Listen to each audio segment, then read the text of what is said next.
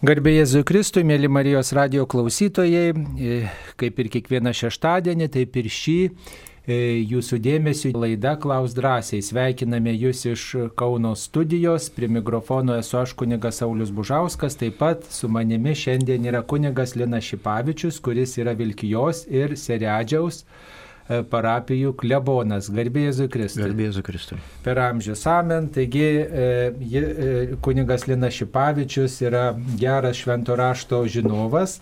Taigi turime štai kelias, kelis klausimus apie apie šventą įraštą, ką Biblija sako apie mėsos valgymą, ar gali tikinti žmogus auginti paukščius ir gyvulius maistui bei juos kersti. Ačiū už atsakymą. Taigi toks štai klausimas, turbūt Dabar gal netaip jau ir daug kas augina tuos paukščius ir gyvulius, vis mažėja Lietuvoje, bet e, vis tiek tas klausimas lieka aktualus - mėsos valgymas. Beveik kiekvienoje laidoje mes turbūt šitą klausimą bandom atsakyti ir išaiškinti žmonėms ir ypatingai jiems rūpi, ką kalba Biblija. Tai netgi iš Biblijos mes galime atsekti, kad, e, na, chronologiškai galbūt, kada tik tai žmogus buvo sukurtas, jisai buvo labiau galima sakyti kabutėse vegetaras, bet paskui po nojaus tvano, kada vėl nojus iš arkos įžengė į ant žemės, tuomet yra dievų sakymas, e, kad jisai gali taip pat valgyti ir mėsą. Tai Biblija taip pat suponuoja, kad žmogus yra pilnavertis, jisai valgo e, pilnavertį maistą tiek, tiek daržovės, tiek ir, ir mėsą. Ir tai, tai nėra kažkoksai, tai sakykime, neteisingas polgis arba neteisingas gyvenimas, ar tai kaip kiti galvoja, tai yra žudimas. Tai yra paprasčiausiai žmogaus mytybos dalis. Na, bet e, galbūt e, įmanoma kažkaip štai penktadieniais nevalgome mėsos e, ir pasninko toks įstatymas yra, gal kažkaip gal, taip, taip. gal dar kai kurie praktikuoja ir trečiadieniais tą mėsos nevalgymą, galbūt mhm. tai irgi paremta šventuoju raštu. Pasnikas mm, katalikų bažnyčioje yra numatomas penktadieniais ne Velykų laikotarpiu, tik tai Velykų laikotarpis. E, mums leidžia ne, neva, nesinaudoti arba nesilaikyti pasniko. O rytų bažnyčioje laikomasi trečiadieniais ir penktadieniais. Tai iš tikrųjų yra išraiška susilaikymo nuo prabangaus maisto. Nes senaisiais laikais mėsa iš tikrųjų buvo prabangus maistas ir, ir penktadienį mes apsimariname ir ir nevalgoma tai, kas yra prabangu, kas yra galbūt skanu, kas yra ten dar kažkas tai tokio. Bet šiais laikais, man atrodo, mėsa yra kur kas pigesnė nei kokia koks eršketas arba lašiša. Taip, tai penktadienį valgant eršketą ar ten nikras, nemanau, kad čia mes tada išlaikomi pasniką. Reikia visada turėti sveiką protą ir, ir racionalų, kad mes galėtume suvokti savo taip pat tą dvasingumo išraišką bet sakykime, tokio pritarimo tam mėsos valgymui randamės Biblijoje daugiau tokį kelkis, imk valgyk, ne to, tokį paskatinimą, kiek tokį turbūt e, na, kaip natūralų, na, nei draudimo, nei, nei, nei tokio paskatinimo, kaip natūralų tokį priimtiną dalyką. Na taip, iš pašlų darbų, taip pat mes turime tenai pašlo Petro tokį pamokymą, kad e, taip pat žydai dar skirstė tą maistą, sakykime, išvarų ir nešvarų. Ten, tarkime, e, ta mėsa irgi galėjo būti viena, viena galima valgyti, kita, kitos negalima valgyti. Tai taip pat pas Petrą ten jau mes matome tą istoriją, kad e, Jėzaus idėja ir netgi Evangelijos išplaukė, kad e, viskas, kas išeina iš žmogaus, yra nešvaru, vadinasi, jo mintys, jo darbai, jo nuodėmės O kas ateina į žmogų, tarkime, jeigu maisto pagrindu, tai mes negalime atskirsti švaru, nešvaru. Tai yra, aišku, judaizmo čia išraiška, kurią mes irgi kartais truputėlį mėgdžiojame. Taip, mums paskambino. Adėlė iš Tauragės. Taip, Adėlė, klauskite. Mm, aš noriu paklausti, po kryžiumi stovėjo Marija. Marija Kleopietė ir Marija dar kažkokie ten, nebeprisimenu dabar staigiai. Ir juos pasirodo buvo seserys. Dabar man klausimas, Nu, ali kodėl jos buvo visos Marijos? A, jūs nežinot, gal ir nežinot, aš nes, nu, kad čia visko neįmanoma. Ar tokia, tuoj pačioj šeimoje pasirodo Marija, Marija, Marija. Nu, kaip ten dabar suprasti, kaip ten būdavo. Kokie tie papročiai dabar, kad, kad kito vardo jau nebeturėjo. Ačiū už klausimą. Biblijoje mes sutinkame, kad e, vaikai paveldėdavo tėvų vardus. Ir mes turime labai gražią istoriją Luko Evangelijoje, kada gimsta Jonas Krikštojas ir visi tikisi, kad jisai bus pavadintas arba jam bus suteiktas vardas jo tėvo kunigo Zacharyjo. Ir kada Zacharijas gavęs apreiškimą šventykloje ir kada jisai negalėjo kalbėti ir kuomet mama pasako, kad jo vardas bus Jonas, visi iš tikrųjų nustemba, susirinkę aplinkiniai, nesako, niekas neturi tokio vardo. Taigi pagal žydišką tradiciją vaikas paveldėdavo tėvų arba prosnelių vardą. Ir e, labai populiarus iš tikrųjų buvo vardas Marija, kaip, kaip, ir, kaip ir pavyzdžiui Jėzus, kaip, kaip ir Jonas. Tai tie vardai buvo dažnas sutinkamas terminas ir, ir čia nieko nuostabaus. Be to, ten taip pat buvo bendrystė su Jėzumi, Jėzus bendrau su tam tikromis šeimomis. Ir čia taip pat matoma, kad tai yra viena iš šeimų, kurie palaikė visą gyvenimą, visą, visą Jėzus viešąją veiklą ir, dėl to taip yra, dėl to yra įvardinama, kokia ten buvo Marija, Marija Kliaupienė, e, dar kita Marija dažnai taip yra sakoma. Tai čia yra natūralus toksai biblinis dalykas, kuris galbūt dabar pas mus yra sunkiai suprantamas. Šiais laikais žmonės iš vis duoda vardus, kad ko būtų e, keistesnis arba kad, kad jisai būtų populiaresnis, bet nežiūri jokios, pavyzdžiui, reikšmės. Tais laikais, kada buvo, bibliniais laikais, kada buvo duodamas arba vaikų sutikimas vardas, žiūrėdavo ir į jo reikšmę, ir žiūrėdavo taip pat į to, žmo, to žmogaus arba to vardo istoriją. Šiais laikais paprasčiausiai tik tai yra suteikiamas vardas, kad jisai gražus arba populiarus arba dar negirdėtas ir galvoja, kad čia kažkas tai tokio. Tai tiek yra apie, apie vardus. O gal galime kažkaip paaiškinti, ką tas vardas reiškia Mirjam? Na, reiktų žiūrėti žodyną, aš dabar nenoriu kažkaip kalbėti ar spekuliuoti. Taip. E, dar viena žinutė yra, e, Dievas sukūrė žmogų pagal savo paveikslą, ar tai kaip vyrą, ar moterį. Pradžios knyga, pirmas skyrius 26-27 eilutės kalba apie, apie žmogaus sukūrimą, aišku, yra du pasakojimai, kurie kalba apie vyro ir žmogaus sukūrimą. Pirmas pasakojimas iš pradžios knygos pirmos skyriaus yra gan jaunesnis, turime kažkur tai 7 amžių. Ir antras pasakojimas yra, kuris kalba apie žmogaus sukūrimą antros skyriaus nuo ketvirtos eilutės B. Yra senesnis pasakojimas, tai yra 10 amžiaus tekstas. Čia klausimas kyla iš to jaunesnio teksto, kaip mes galime pasakyti, elohistinio teksto ir skamba štai šitaip. Tuomet Dievas tarė, padarykime žmogų pagal mūsų paveikslą ir panašumą. Te valdo jis ir jūrų žuvis, ir padangius sparnuočius, ir galvijus, ir visus laukinius žemės gyvulius, ir visus žemėje šliaužiančius roplius. Dievas sukūrė žmogų pagal savo paveikslą, pagal savo paveikslą sukūrė jį kaip vyrą ir moterį sukūrė juos. Tai čia turbūt klausimas kyla vat, iš 27 eilutės e, antrosios dalies, kaip vyrą ir moterį sukūrė juos. Biblinis autorius labai aiškiai parodo šitose eilutėse keletą tokių svarbių dalykų.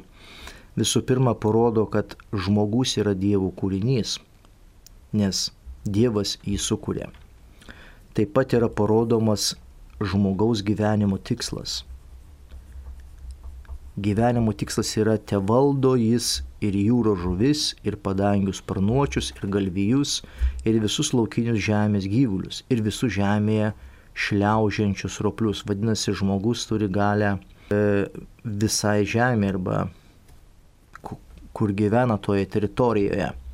Ir tuomet trečias momentas, kad taip pat žmogus turi lytiškumą, tai reiškia, kad jisai yra vyras ir jisai yra moteris. Vieni yra vyrai, kiti yra moteris. Tai yra dievų kūrybos dalis.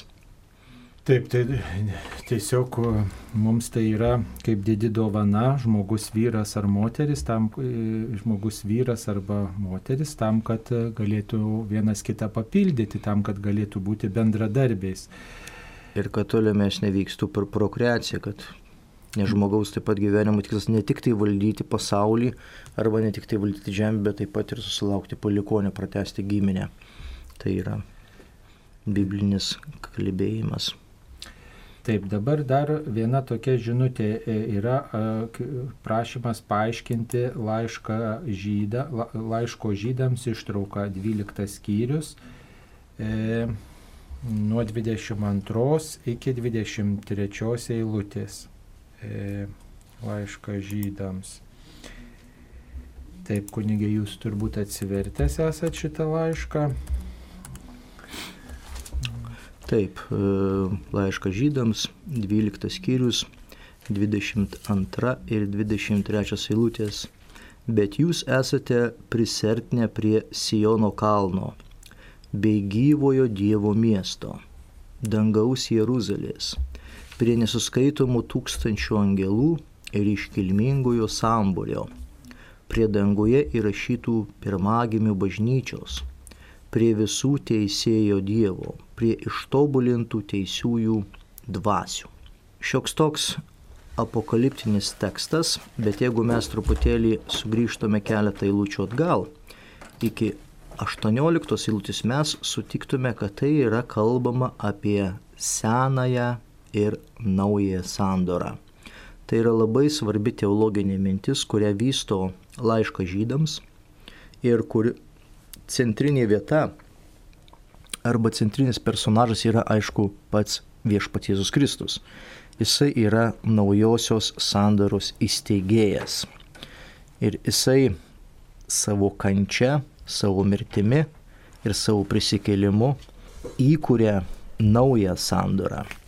Tik tai laiške žydams Jėzus yra pristatomas kaip vyriausiasis kunigas, nes vyriausiasis kunigas tik tai galėjo aukoti tokias pačias svarbiausias e, Sename testamente aukas. Mes, pavyzdžiui, žinome, kad, e, tarkime, Jom Kipūr susitaikinimo pamaldos vieną kartą metuose vyriausias kunigas įžengdavo į švenčiausią vietą Kadoš Kadošim arba hebrajiškai Debir ir ten ištardavo viešpaties vardą. Taigi Jėzus yra pristatomas kaip vyriausias kunigas, kuris būtent sudaro sandorą. Sandora yra amžina, nenutraukiama, nes yra tobula tai yra sudaryta paties Dievo sunaus. Ir šitos eilutės kalba būtent apie tą perspektyvą, apie tą, tarkime, tą pirmavaizdį e, sandoros. Jeigu mes paskaitytume nuo 18 eilutės, jūs prisertinate ne prie apčiuopamo ir ugnimi liepsnojančio kalno, ar prie audringos tamsos, ar ukanų, ar viesulo ar tremito skardesio, ar žodžių skambesio, kurį išgirdę žmonės meldė daugiau jiems nebekalbėti. Taigi autorius kalba visų pirma tą simboliką išėjimo knygos 20, 19, 20 skyriaus, kada išrinktoji tauta keliaudami pažadytą žemę, jinai sudaro sandorą ant Sinajaus kalno. Ir čia yra ta simbolika, bet autorius sako, ne tai dabar vyksta, dabar visai kita yra sandoros forma. Matija negalėjo pakelti įsakymo, net jeigu gyvulys paliestų kalną, jis turi būti užmuštas akmenimis. Anas reginys buvo toks baisus, jog Mozė pasakė, bijau ir visas drebu. Ir tuomet yra mūsų e, analizuojamos eilutės, bet jūs esate prisertinę prie Siono kalno bei gyvo Dievo miesto dangaus Jeruzalės prie nesuskaitomų tūkstančių angelų ir iškilmingų samburių. Tai yra būtent sandoros simbolika, nes Siono kalnas visą laiką simbolizuoja, kad ten buvo sudaryta sandora su išrinktai tauta. Reikia atkreipti dėmesį, kad tai buvo pirmoji sandora su tauta, nes visos sandoros, kurios buvo anksčiau padarytos, dažniausiai buvo su konkrečiu žmogumi. Šita sandora yra pirmoji, kuri buvo sudaryta su jau visa tauta. E, sekantis momentas kalbama apie gyvojo Dievo miestą. Kas tai yra gyvojo Dievo miestas? Tai yra būtent Jeruzalė, nes ten buvo šventykla ir šventykloje aišku buvo sandoros skrinė, tai yra dvi akminės plokštės, kurias e, Mozė atnešė išrinktai tautai ir pasakė, kad tai yra e, Dievo įsakymai. Ir toliau kalbama prie nesuskaitomų tūkstančių angelų iškilmingų samburio. Čia kalbama taip pat jau apie antgamtinį pasaulį arba tą dvasinį pasaulį, e, kuris taip pat jungiasi su, su tai žmonėmis, kuris sudar, sudar, sudarė sandorą. Prie dangų įrašytų pirmagimių bažnyčios, prie visų teisėjų Dievo, prie ištobulintų teisiųjų dvasių. Taigi kalbama taip pat jau ir apie bažnyčią, kuri taip pat e, savo krikštu įžengia į naują sandorą, įžengia į Jėzaus santyki.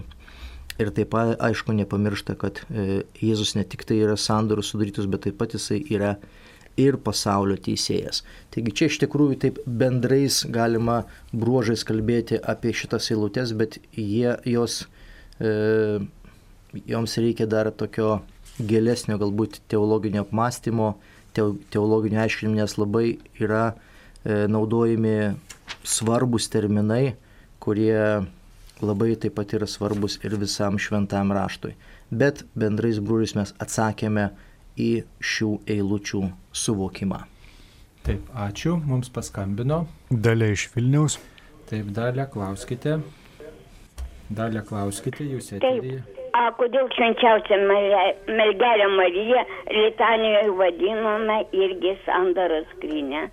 Mergelė Marija vadinama sandaros skrynė. Taip, todėl kad nešio Jėzų Kristų, Jėzus yra tas, kuris įsteigė naują sandorą, ką mes tik tai dabar ir kalbėjome. Ir nu, sandora pats e, Dievo artumas, reiškia didžiausias žydams suvokiamas ta sandoros skrinė. Na ne, na, ne tik tai Dievo, Dievo galbūt ir buvimas netgi, nes žydai tikėjo, kad e, toj, toje skrynioje yra Dievas ir tarkime, tos pirmos biblinės e, knygos, kurios buvo rašomos, kada žydai eidavo į mūšį, neždavosi taip pat sandoros skrinį ir jie tikėjo, kad e, Dievas juos apsaugos, bet kaip tik Dievas parodė, kad, kad tai ne daikte, ne kažkokia dėžutė yra Dievas, nes Dievas yra e, kur kas didesnis ir dėl to priešai žydų buvo atėmę tą sandorų skrinę, bet paskui buvo sugražinta. Tai Marija dažnai ypatingai rytų bažnyčių yra pristatoma kaip ta, kuri nešioja savyje sandorą. Jėzus Kristus yra būtent sandora, jisai sutaikina, sutaikina visą pasaulį arba visą žmoniją su Dievu. Reikia iš tikrųjų galbūt truputėlį pasakyti žmonėms, kas tai yra ta sandora, nes mes taip e, kartojame, kartojame, bet tai yra e, tų laikų arba biblinių laikų labai dažnas poelgis. E, sudaryti sandorą, tai vadinasi sudaryti tam tikrą sutartį. Ir tos sutartys tikrai buvo labai dažnai vykdomos. Ir ant to žmogaus, sakykime, pagrindo arba ant tų žmonių mąstymo arba poelgio taip pat e, Biblija yra parašyta ir, ir tarytum Dievas taip pat su tauta, su žmogumi sudaro tam tikrą sandorą arba tam tikrą tokį, galima sakyti, sutartį. Bet nepaprastumas yra tame, kad e, dažniausiai sutartis arba sandora būdavo sudaroma tarp lygiaverčių žmonių, tarp lygiaverčių pusių. O, o Dievas ir žmogus arba Dievas ir, ir tauta tai yra tikrai nelygiavertis. Ir tai parodo tą Dievo nepaprastumą ir tai parodo tą Dievo tokį galbūt ir nusižeminimą ir Dievo meilę, nes, nes žmogus yra Dievo kūrinys ir Dievas dėl žmogus gali padaryti viską. Taigi gerbėme mergelę Mariją, kuri mums e, leidžia, leidžia patirti Dievo artumą. Per ją atėjo Jėzus Kristus į šį pasaulį ir jinai yra paties didžiausio Dievo artumo nešiotoja. Ir galima sakyti, kiekvienas mes, kai priimam komuniją, esam panašus į tą sandoro skrynę, nes Dievo buvimą savy nešam, Dievo artumą savy išgyvenam. Taip, dar viena žinutė yra apie antrąjį laišką korintiečiams 12 skyrių. Mm, antrasis laiškas korintiečiams 12 skyrius nuo antros iki ketvirtos eilutės. Pažįstu žmogų Kristuje, kuris prieš 14 metų ar kūne ar be kūno nežinau, Dievas žino, buvo pagautas ir iškeltas iki trečiojo dangaus ir žinau, kad šitas žmogus ar kūne ar be kūno nežinau, Dievas žino, buvo paimtas į rojų ir girdėjo slaptingus žodžius, kurių nevalia žmogui ištarti. Ką reiškia kūne ar be kūno ir ką reiškia iki trečiojo dangaus. Šitas e, tekstas apaštalo Paulius, jisai dažnai yra komentuojamas, dažnai yra analizuojamas, tai parodo iš tikrųjų paštalo Paulius tą dvasinę būseną kada jisai iš tikrųjų sutinka Jėzų Kristų, pamename apaštalo Paulius istoriją, kada jisai yra pačioje pradžioje labai jaulus krikščionių persekiotos, bet jisai sutinka Damasko kelyje Jėzų ir jisai tuomet tampa tuo oliu jo sekėju. Bet ne taip, kaip mes skaitome šventajame rašte, nes šventas raštas tarytum peršoka per įvykius, nes apaštlas Paulius iš tikrųjų po truputėlį įžengė į naują tikėjimą, po truputėlį iš tikrųjų pažino Jėzaus mokslą ir Jėzaus mokinius. Ir po atsivertimo kažkur tai po 9, po 11 metų apaštlo Barnabo dėka jisai pradeda viešai kalbėti ir pradeda mm, toliau tas vykdyti savo keliones, savo misijas ir tik tai po, sakykime, 10, 12, 15 metų atsiranda štai šitas tekstas. Tai yra apašlo Pauliaus patirtis, ta dvasinė patirtis, būnant santykė su Jėzumi Kristuje, Kristuje ir skelbiant jo tą gerąją naujieną arba Evangeliją. Pažįstu žmogų Kristuje, kuris prieš 14 metų ar kūne, ar be kūno, nežinau, Dievas žino, buvo pagautas ir iškeltas iki trečio dangaus. Tai mes galime kalbėti, kad štai po tiek laiko žmogus patiria tam tikrą, tam tikrą dvasinę būseną, bet ir tai, tai ne visiems yra duota, tai yra e, Dievo malonė. Mm, Parstas Paulius nežino, kaip, kaip iš tikrųjų buvo, ar su kūnu, ar be kūno, bet jisai turėjo tam tam tikrą išgyvenimą. Ir va tas dažnas pasakymas iki trečio dangaus, tai yra tas toksai dvasinis žmogaus gyvenimo lygis, kuris, kurį patiria tikintysis. Ir žinau, kad šitas žmogus ar kūne ar be kūno, nežinau, dievo, Dievas žino, buvo paimtas į rojų ir girdėjo slaptingus žodžius, kurių nevalia žmogui ištarti. Tarytum Čia Paulius kalba apie tam tikrą tokį dvasinį prisilietimą prie tų atgamtinių dalykų, prie, prie to, kas kasdienybėje iš tikrųjų yra neapčiuopama. Taip mes galėtume pakomentuoti šitą, šitas eilutes, kurios, aišku, visais laikais kelia tam tikrų diskusijų, tam tikro žinojimo, bet jisai iš kitos pusės yra labai labai mislingas. Mes tik tai galima e, numanyti arba galima interpretuoti, kad galbūt taip ir taip, o galbūt, galbūt ir kitaip. Bet toks būtų atsakymas. Taip, ačiū. Dar vienas klausimas truputį iš kitos ryties, ar galima domėtis, žavėti žmonėmis, kurie gyvi Saulės energiją. E, prana. Mm, tokia yra toks klausimas. Na, čia yra tokia New Age teorija, naujojo to religingumo judėjimo teorija, kad žmonėms nereikia fizinio maisto, gali maitintis dieviškąją Saulės energiją, užtenka būti gamtoj, suvalgyti mažą trupinėlį, čia maždaug tokia badavimo yra kategorija, reiškia visas tas maistas virsta mumyse kažkokią kitokią energiją vis dėlto tikrai nepatartume nei to bandyti, nei žavėtis tokių žmonių gyvenimo būdu, nes visų pirma tai yra pavojinga fiziniai sveikatai. E, o taip pat ir psichikai pavojinga ir mūsų dvasiniai sveikatai pavojinga, mūsų santykiui su Dievu, nes matot, viešpats pats būdama žemėje valgė e, maistą šitą kasdieninį, duoną, žuvį, mėsą valgė pats Jėzus Kristus ir e, ir valgė paštalai, valgė šventieji, kad ir e, saikingai, bet vis tiek valgė.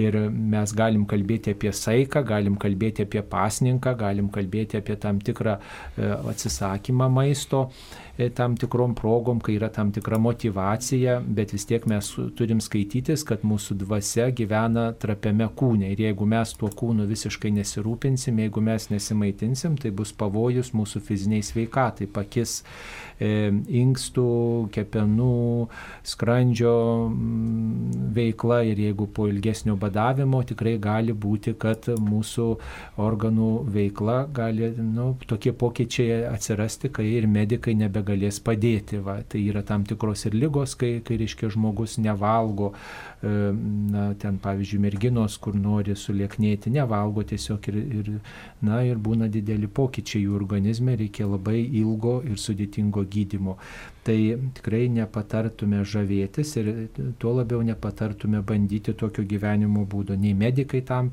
pritartų, nei, nei, nei, nei, nei dvasininkai, nei psichologai.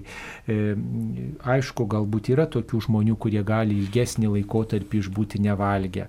E, kiekvieno žmogaus organizmas yra kitoks. Pavyzdžiui, ir vandens turbūt vienas išgeria daugiau, medikai ten patarė gerti to vandens daugiau, kiti, kiti gali išbūti negėrę ilgesnį laiką, net ir karštomis dienomis ilgiau. Tiesiog organizmas matyti yra kitaip prisitaikęs kitok, įvair, kitoks tiesiog ir, ir kiekvieno žmogaus galimybės yra skirtingos. Vienam reikia daugiau maisto, kitam mažiau, kitam iš tikrųjų gal užtenka labai mažai maisto, medžiagų apykaita yra skirtinga, tačiau visiškai mm, atsisakyti maisto tikrai nepatartume ir to nėra jokiose dvasinėse knygose. Vis tiek kažkiek maisto, truputėlį maisto reikia žmogui valgyti, reikia įsiklausyti į savo organizmą ir gerbti mm, šitą Dievo dovaną kūną, kuris toks trapus yra ir mes tuo praeinančiu žemišku maistu maitinam, bet visat prisimenam, kad ne tik juo žmogus gyvas, bet gyvas ir, ir, ir Dievo pagalba, Dievo artumu galų gali ir tą maistą Dievas mums dovanoja. Tai dvasinė prasme tikrai mes negalim būti gyvi tik tai vien dvasiniais dalykais. Jie, jie, jie svarbus, jie reikalingi, jie reikšmingi, bet tikrai yra tokių liūdėjimų, kad pavyzdžiui e, šventieji Marta Roben, man atrodo, buvo gyva tik šventąją komuniją, bet vis tiek priimdavo kiekvieną dieną šventos komunijos paplotėlį. Ir, ir, ir jinai ne, nevaikščiojo, sunkiai sirgo, yra tokių na, pavyzdžių, bet jie yra pakankamai reti, susijęs su tam tikra mistinė patirtim. Tai, žodžiu, bet vis tiek yra valgymo tas aspektas, kad bent kažkiek maisto tikrai kiekvienas žmogus turi priimti į savo kūną tam, kad gyventų. Taip mes esame biologinės būtybės ir dėl to tą biologinį kūną, kol gyvesam, kviečiami palaikyti kaip Dievo dovana. Mums paskambino Noriu papildyti, jūs raguvos klebonas. Taip, klausom. Garbė Kristui. Per amžius. Jeigu galima, jeigu leisit, aš žinot, galiu dažnai klausyti, girdėti tik tai įrašus. Ir, o, o šiandien tokia man ir galimybė, kad aš galiu tiesiog girdėti ir paskambinti. Aš norėčiau papildyti porą ankstesnių buvusių klausimų, ar galima. Prašau. Taip, prašau, prašau. E, buvo klausimas apie, e, reiškia, ten Jozapą ir Mariją, kaip, e, reiškia, nedo, nenorėdamas daryti jai nešlovės, Jozapas, reiškia, sumanė tylomis ją atleisti.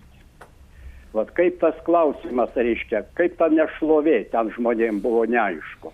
Reiškia, kadangi Juozapas ir Marija buvo susižėdavę, o Marija buvo, na kągi, šventas žmogus, tai jinai nuo Juozapo, nuo sužadėtinių nieko neslėpė.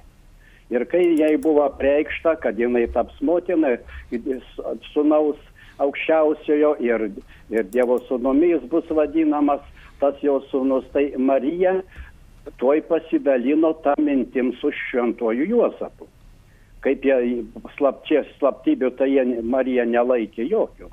Ir Juozapas, būdamas tik tai stalius, sužinojęs, išgirdęs žinę, kad angelas apreiškė Mariją ir kad jinai bus aukščiausio Dievo sunaus motina, o jisai tik stalius. Tai jis norė, reiškia, labai laikė save tokiu nu, nevertu ir daryti jai nešlovės, ir reiškia, jeigu jis būtų ją į žmonas, dabar tokia Dievo sunaus motina, tai stalius būtų jai nešlovė tik tai. Lygiai taip pat žiūrėkit, ar šiais laikais nebūna ir mūsų tarp. Jeigu koks nors, e, sakykime, ten mokytas žmogus ir paima ar žmona kokia mažiau mokyta, ar, ar, ar, ar vyra mažiau mokyta, žiūrėk, a, sako, galėjo gauti geresnį galėjau gauti geresnį, reiškia jau nešlovę tarsi daro. Tai o ir Juozapas reiškia, nenorėdamas daryti nešlovės. Ir štai o čia labai įdomus dalykas reiškia. Tada Dievas vėl atsiunčia angelą šventajam Juozapui ir sako, nebijok parsivesti, tu duosi jam vardą Jėzus. Reiškia, angelas Dievas atsiunčia angelą pas Juozapą ir Juozapą iškelia dabar kaip Marija, kad buvo iškelta į Dievo motinos garbę. Taip angelas iškėlė ir Juozapą į įtėvių, padarė to Dievo sūnaus. Ir už tai tada jau Juozapas pasivedė ją pas save, įdavė jam vardą Jėzus ir rūpinosi ir taip toliau. Reiškia, tai ta nešlovė, sakytum, tarsi pasimaitino, bet pradžioj, kol, kol angelas jam neapreiškė, tai jis nenorėjo daryti Marijai nešlovės, laikė save nevertu. Ir, ir už tai norėjo tylomis ją atleisti. Va, dabar antras klausimėlis, jeigu galima, tai buvo klausimas apie šventasias mišes. Ten moteris klausė, sako, aš viską kartoju kartu su kunigu, ką kunigas kalba, aš viską kartoju. Tai va čia aš norėčiau truputį paaiškinti, kaip buvo mūsų laikais, kai aš įstojau į seminariją. E, reiškia, pirmam, antram kursė, 68 metais, tai Vatikano susirinkimas baigėsi, vat, ir tada mums, būsimiems kunigams, būdavo vadinamos recituotos mišios. Ateidavom į koplytėlę, išdėti visur mišolai visiems ir dvasios tėvas vieną kartą mėnesį būdavo tokios mišios, reiškia, kad mes susipažintume su mišių tekstais, išmoktume teisingai tart žodžio viską va tokia. Tai būdavo tokia, kaip ir sakytum, liturginė tarsi praktika ir mes visus kunigo žodžius skaitydavom kartu su kunigu. Paskui, kada jau ta raudo geležinė uždanga šiek tiek prasivėrė ir kai pavyko dvasios tėvo išvykti į Romą, ir po sugrįžimo iš Romos tos recituotinės mišios mums buvo panaikintos. Nesvarbu, kad mes busimieji kunigai, kad mes viską, vadovas kunigas turi savo kalbėti, o reiškia visi kiti dalyviai turi savo dalį kalbėti. Ir nuo tada tos recituotinės mišios mums buvo iš Vatikano sugrįžus, matyti, ten buvo pasitarta, kad taip netinka negalima taip daryti. Ir nuo tada tos recituotinės mišios mums pasibaigė. Tai aš taip manau, kad jeigu būsimėm kunigam uždraudė, reiškia, kartot kunigo visus žodžius ir konsekracijos ir, ir, ir, ir visus kitus, vat, reiškia, viešpat su jumis ten ir taip toliau. Va. Tai, tai aš manau, kad galbūt netinka ir pasauliečiam kunigo žodžius kartot, kad būtų dialogas turėtų būti. Tai tokie mano atsakymai, jeigu, jeigu Taip, taip. Tai dėl rožinio, dėl, dėl šito, dėl mišių tekstų tikrai pritarėme kunigė jums ir, ir nereikėtų tiems mišių dalyviams kartoti paskui kunigo, kunigą visų tekstų. E, teisingai jūs suprantate, kad turi būti dialogas mišiuose. Tai yra bendruomeninė malda, e, kunigas atstovauja Kristui, e, veikia Kristaus vardu ir, ir, žodžiu, ir jis šventimų galę tą daro, o, o žmonės dalyvauja ir jie turi savo dalį ir jie klausosi, kada kunigas e, meldžiasi ir atsako, kada jiems yra skirta atsakyti. O kai kunigas meldžiasi viduje, galime susitelkti į tų, į tų tekstų prasme, klausytis ir, ir, ir, ir savo viduje na, išgyventi tų tekstų esmę. E, ir, ir tiesiog, mm, na, jeigu meldžiasi už popiežių, tai prisimint popiežių, jeigu meldžiasi už mirusius, tai visus iškeliavusius pavedam savo širdį, va, tiesiog net ir be žodžių pavedam tuos žmonės, jeigu už gyvuosius, tai pavedam gyvuosius, bet tai yra tas klausimosi laikas ir vidinio dalyvavimo laikas, nebūtina vis, visko ištarti. Va. Tai yra tokie kraštutinumai, arba jau kalba viską, visus tekstus kalba, arba neįsižioja jokioj mišių daly. Nei kai gėda, nei kai atsiliepia, atsiliepti laikas skirtas, tai na, va, tokių kraštutinumų reikėtų vengti. Na, o į pirmąją klausimo dalį apie nešlovę, ką kunigė galėtume atsakyti. Čia kunigas kalbėjo apie Mato Evangelijos pirmą skyrių 19 eilutė, aišku, čia mums labiausiai kalba apie tai. Tai yra įvykių paveikslas, Marijos situacija ir Juozapo situacija.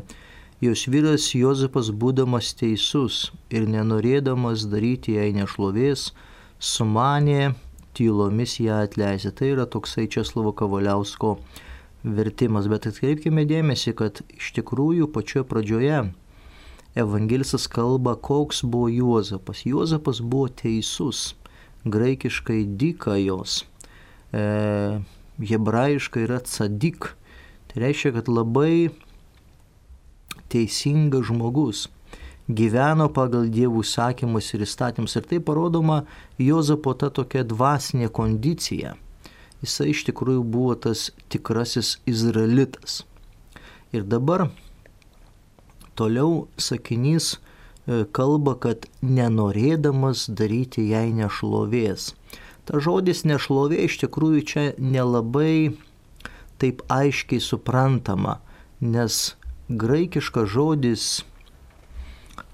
deigmatidzo reiškia visų pirma ištirti, išsiaiškinti, atskleisti, demaskuoti mm,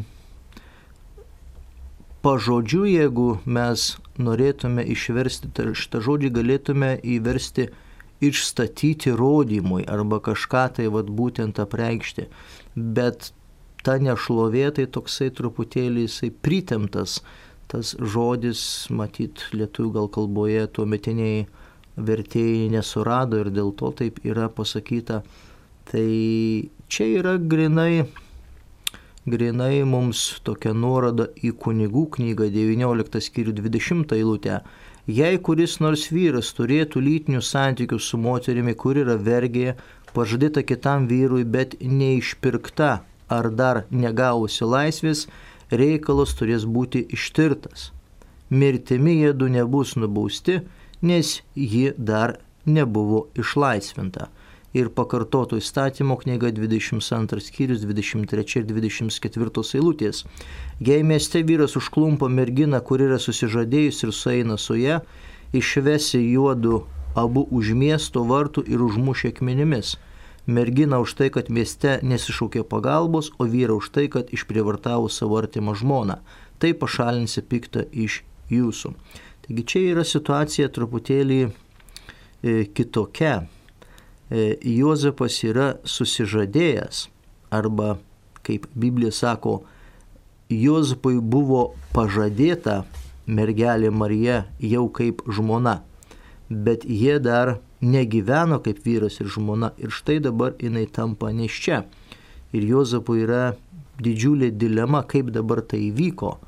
Ir e, pagal tą įstatymą moteris, kuri yra susižadėjusi, bet jinai dar negyveno su vyru, jinai iš tikrųjų padarė didžiulę nuodėmę ir, ir jai netgi grėsė mirties bausmė. Dėl to Juozapas nori apsaugoti ją, apsaugoti kūdikį ir paprasčiausiai nori atleisti, tai reiškia parašyti tą atleidimo raštą, kad, kad tai niekas nenukentėtų. Toks buvo iš tikrųjų žydų paprotys. Bet mes paskui matome, kad viešpatis angelas įsikiša ir kalba apie tai, kad šitas reikalas yra labai svarbus. Čia ne vien tik tai vyksta žmogiškieji įvykiai, bet taip pat čia vyksta jau ir dieviškieji išganimo istorija. Ir atkreipkime dėmesį, kad Juozapu visada Dievas apsireiškia per angelą. Ir Juozapas niekada neištarė Biblijoje nei vieno žodžio, bet jisai vis tiek yra labai svarbus e, Naujame testamente ir mūsų išganimo istorijoje. Tai toks būtų iš tikrųjų trumpas paaiškinimas apie 19 eilutę Mato Evangelijos pirmus kiriaus, kurį mums paskambinęs kunigas užsiminė. Taip, ačiū. Dar vienas klausimas yra apie ištrauką, kuri yra e, Evangelijoje pagal Matą, 16 skyrius, e, taip, 16, 16 skyrius, 28 eilutė. E, čia apie sėkimą Jėzumi rašoma ir taip pat e, ta skirelis, e, ta, ta, ta ištrauka 28 eilutė yra rašoma. Iš tiesų sakau jums, kai kurie iš čia stovinčiųjų neragaus mirties, kol pamatys žmogaus sūnų ateinantį su savo karalyste. Ką tai reiškia? Ar kad kai kurie žmonės bus gyvi iki antrojo Kristaus ateimo?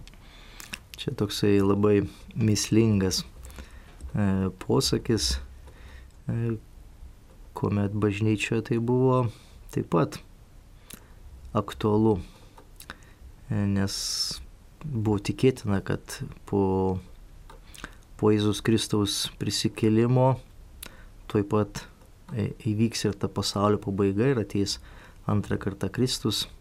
Dėl to Mm, pas apaštalą Paulių irgi laiškuose dažnai yra šitas e, mastoma mintis. Taigi 28 eilutėje yra kalbama apie eschatologinio gyvenimo pažadą. Ne tik tai, kad tai yra kažkas tai, kažkas tai į, į ateitį, bet tai yra būtent ta eschatologija. Iš tiesų sakau jums, kai kurie iš čia stovinčių neragaus mirties, kol pamatys žmogaus sūnų ateinantį su savo karalystė. Graikiškas tekstas mums sako, Amen sakau jums, kad yra kai kurie iš čia stovinčiųjų, kurie neragaus mirties iki pamatys sūnų žmogaus ateinantį su karalystė jo.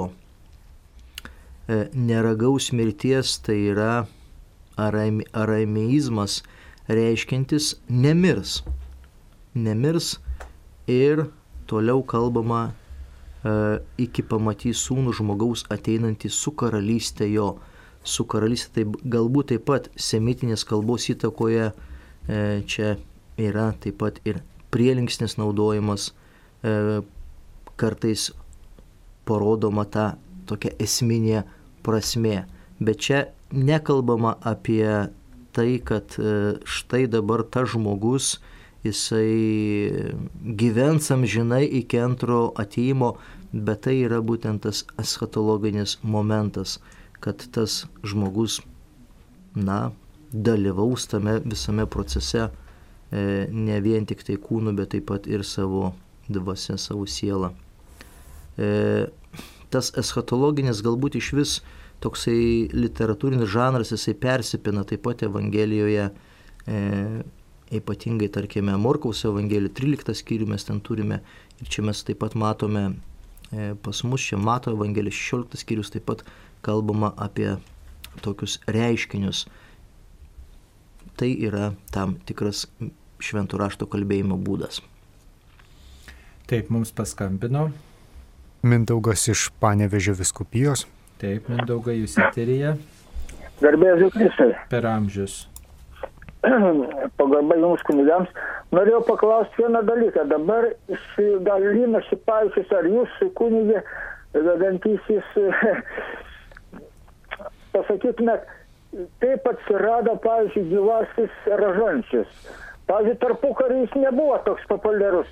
Ar čia yra senai ir, pavyzdžiui, gan yra sudėtingas dalykas. Dabar, pavyzdžiui, aš, pavyzdžiui, esu pats gyvo ražančiaus narys, kalbu tam tikrą paslaptį iš pirmos dalies, džiaugsmingosios, džiaugsmingosios paslaptys. Na ir žinot, dabar pavyzdžiui, esi, pavyzdžiui, kaip nebe pasaulietis, aš turiu kiekvieną dieną iki, pavyzdžiui, iki, iki gyvenimo pabaigos šitą kalbėti. Pavyzdžiui, ražantai, tai yra jau ne, nebe pasaulietis gaunasi, bet jau kaip dvas, dvasininkas aš gaunasi teisingai. Ir aš, pavyzdžiui, ne, aš, pavyzdžiui, jeigu netikėtai užmigsiu, pavyzdžiui, aš turiu iki 24 valandos jau šitą paslapti sukalbėti, žinot, kad būtų, nu, gyvas, gyvoji grandinė, teisingai sakau. Tai va. Ir dabar, ar man trauma, kokia, sakykime, atsitinka ar kas, ir pavyzdžiui, aš nesukalbu, aš šiaip jau gaunuosi nuodabingas žmogus, ir nu, yra gan sudėtinga čia, gal, nu, iš kur tas išrastas rožantis, kaip, pavyzdžiui, kaip jau, kaip dvasininkas aš turiu laikytis. Va, ką norėjau pasakyti, iš kur jis atsirado, ar kaip čia, va, yra dėl, gaunasi paprastas pasaulietis kaip dvasininkas. Ir ypač, pavyzdžiui, gyvasis rožančius yra, pavyzdžiui, panevežė parapija, ypatingai populiarus jis yra. Kitur net nėra toks, aš nežinau, kaip ten jūsų ten Kaune tenais, ar ten Vilkaviškė parapija. Taip, Tai supratom, ačiū, ačiū. Ačiū Jums už klausimą, mielas klausytojau. Taigi apie gyvą įrožančių, ką galime kunigė pasakyti. Na, kunigas Lina Šipavičius yra pasirengęs atsakyti į biblinius klausimus.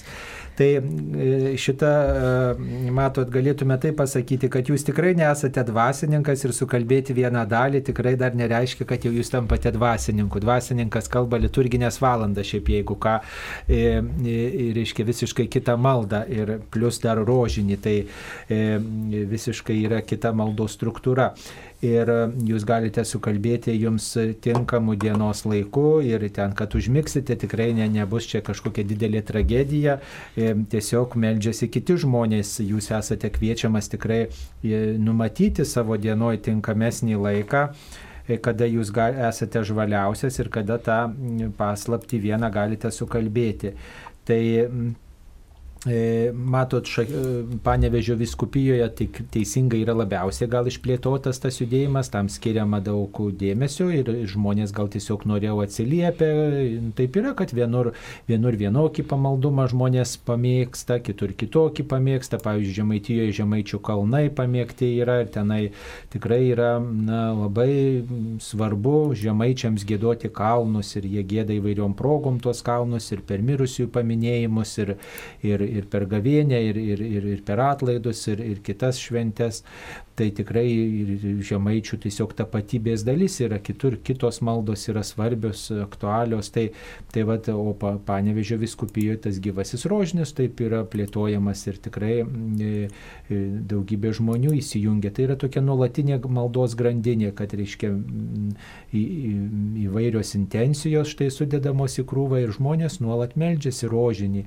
E, įvairių laikų melžiamasi tai intencija, tomis intencijomis, kurios yra sutartos. Gali būti bažnyčios, visuotinės bažnyčios intencijos, gali būti viskupijos intencijos, gali būti Lietuvos intencijos, gali būti tos bendruomenės intencija, gali būti a, a, kažkokia asmeninė žmonių intencija. Tai yra tokia nuolatinė malda, būdėjimas, melskite ir nepaliaukite, Jėzus kvietė. Tai tai tokia, mm, tokia va, ta motivacija yra, o tas kilo ne, ne tiek iš Lietuvos, yra pasaulinis tas judėjimas ir e, aišku, kai kada truputį išmaikštaujam, tai jeigu yra gyvasis rožinis, tai galbūt yra ir miręs rožinis, tai e, iš tiesų tai reikėtų sakyti, kad e, tas gyvasis rožinis norima pabrėžti, kad yra nuolatinė maldos grandinė. E, štai bendruomenės nariai pasiskirsto, reiškia, ir jie nuolat meldžiasi, kiekvieną dieną meldžiasi meldžiasi. Ir, ir jeigu tų žmonių daug yra, tai tada sakytum nuo ryto iki vakaro tą, tą, tą maldos grandinę pagerbiamas viešpats užtariami žmonių reikalai, poreikiai ir tikrai malonu žinot, kad kažkas už tave būdi, kažkas e, tave lydi, tave apsaugo, tave gina ir kažkas užstoja tave viešpaties akivaizdu, tiesiog tą Dievo meilę kreipia į tave. Ir nepergyvenkit, kad jums ten kartais ir nepavyksta, tiesiog jūs įsipareigojote, lygiai taip pat galite savo įsipareigojimą ir atšaukti. Tai nėra kažkas neatšaukiamo jūsų gyvenime, tiesiog tai reikėtų aptarti su savo dvasios tėvu arba nuodėmklausiu šitą, šitą situaciją.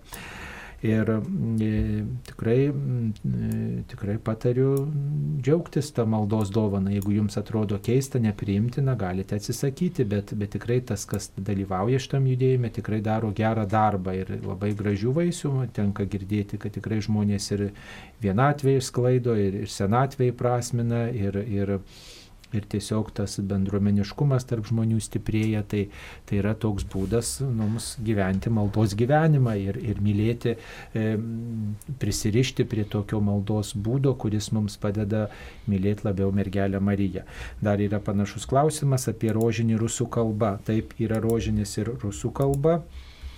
Ir kur jį galima rasti, tai jį galima rasti E, tuose katalikiškuose puslapiuose, kuriuos e, administruoja Rusijos katalikai.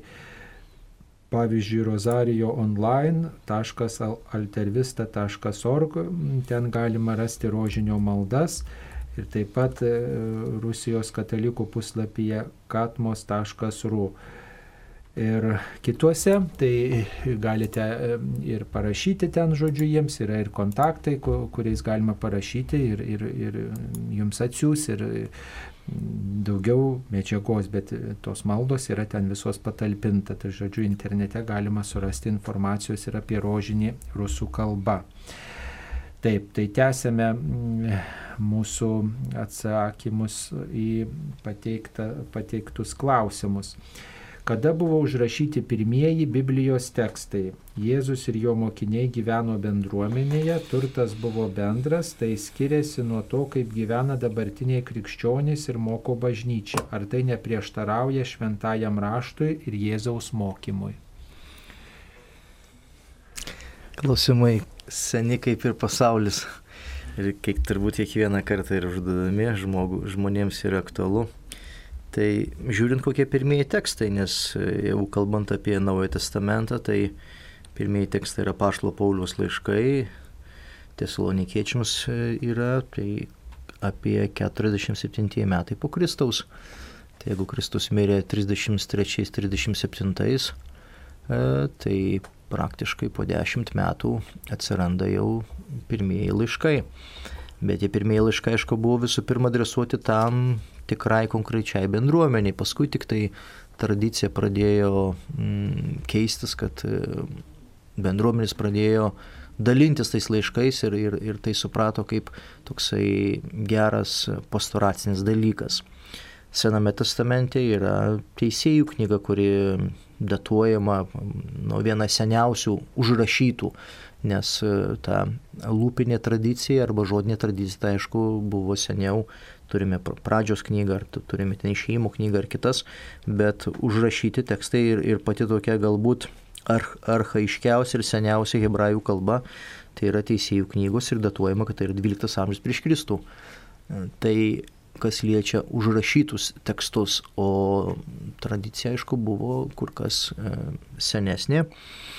Na ir tarkime, žmonėms iš tikrųjų labai yra žavu galbūt ir įdomu, kad, e, tarkime, kad mes sugrįžtume prie pirmosios e, bažnyčios bendruomenės, kad mes sugrįžtume prie, prie to, kas buvo pačioje pradžioje, bet vis dėlto tiek žmonėje, tiek bažnyčia vystėsi ir dabar mes negalime sugrįžti, tarkime, prie, prie to, kas buvo, kas buvo pačioje pradžioje. Kaip pavyzdį galima paimti, pavyzdžiui, buvo vieša išpažintis ir tarkime kai kuriuose vienolyjose, kan kartūzų, kameldulių dar yra propaguojama. Susi, susi, susitinka, tarkime, vieną kartą per savaitę e, visi vienuoliai į tą nuodėmių kapitulą ir kiekvienas turi tada vienuolis atsistoti viduryje e, koplyčios ir sakyti viešai nuodėmės. Tai mes galime sugrįžti į tokią tradiciją ir tada pasižiūrėsime, kaip parapiečiai elgsis, kada mes sekmadienį pakviesime kokį vieną į vidurį atsistoti ir tegu sako visą savo nuodėmės.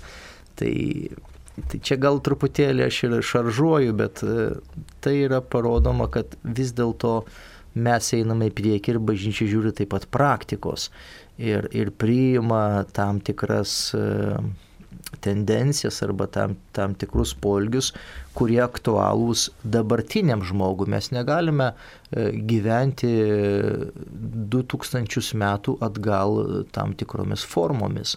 Iš kitos pusės Biblija niekada neatsako į visus e, žmogui kylančius klausimus, bet Biblija atsako į esminius klausimus, kurie liečia žmogaus dvasinį gyvenimą ir moralę. Taip, tai turbūt tie principai išlieka, o, o ta, ta, tos formos keičiasi.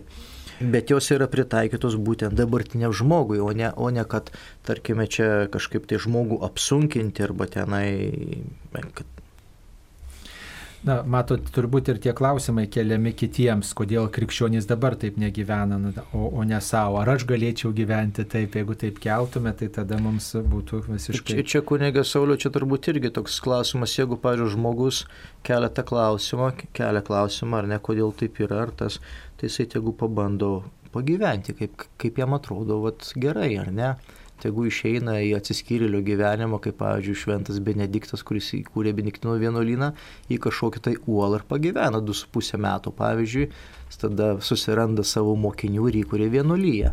Tai tegu pabando 21 amžiuje, jeigu, jau, jeigu, jeigu toks yra troškimas. Nu, Lietuvoje uolūdė yra, matot, nėra kur Nu, įeiti. tai Reikia važiuoti kažkur.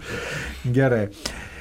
Taip, intencijos už sielą skaistykloje ir intencija už mirusius. Paaiškinkite, ar tai skiriasi, ar tai tas pats. Na, intencijos už sielą skaistykloje yra tokia bendra labai, reiškia, mes e, remiamės bažnyčios tokiu vat, mokymu, kad tikrai e, skaistikla yra ir, ir mes savo tikėjimu tą patvirtiname ir melžiamės už tuos, kurie, na, kurie, e, kurie dar negali regėti viešpaties.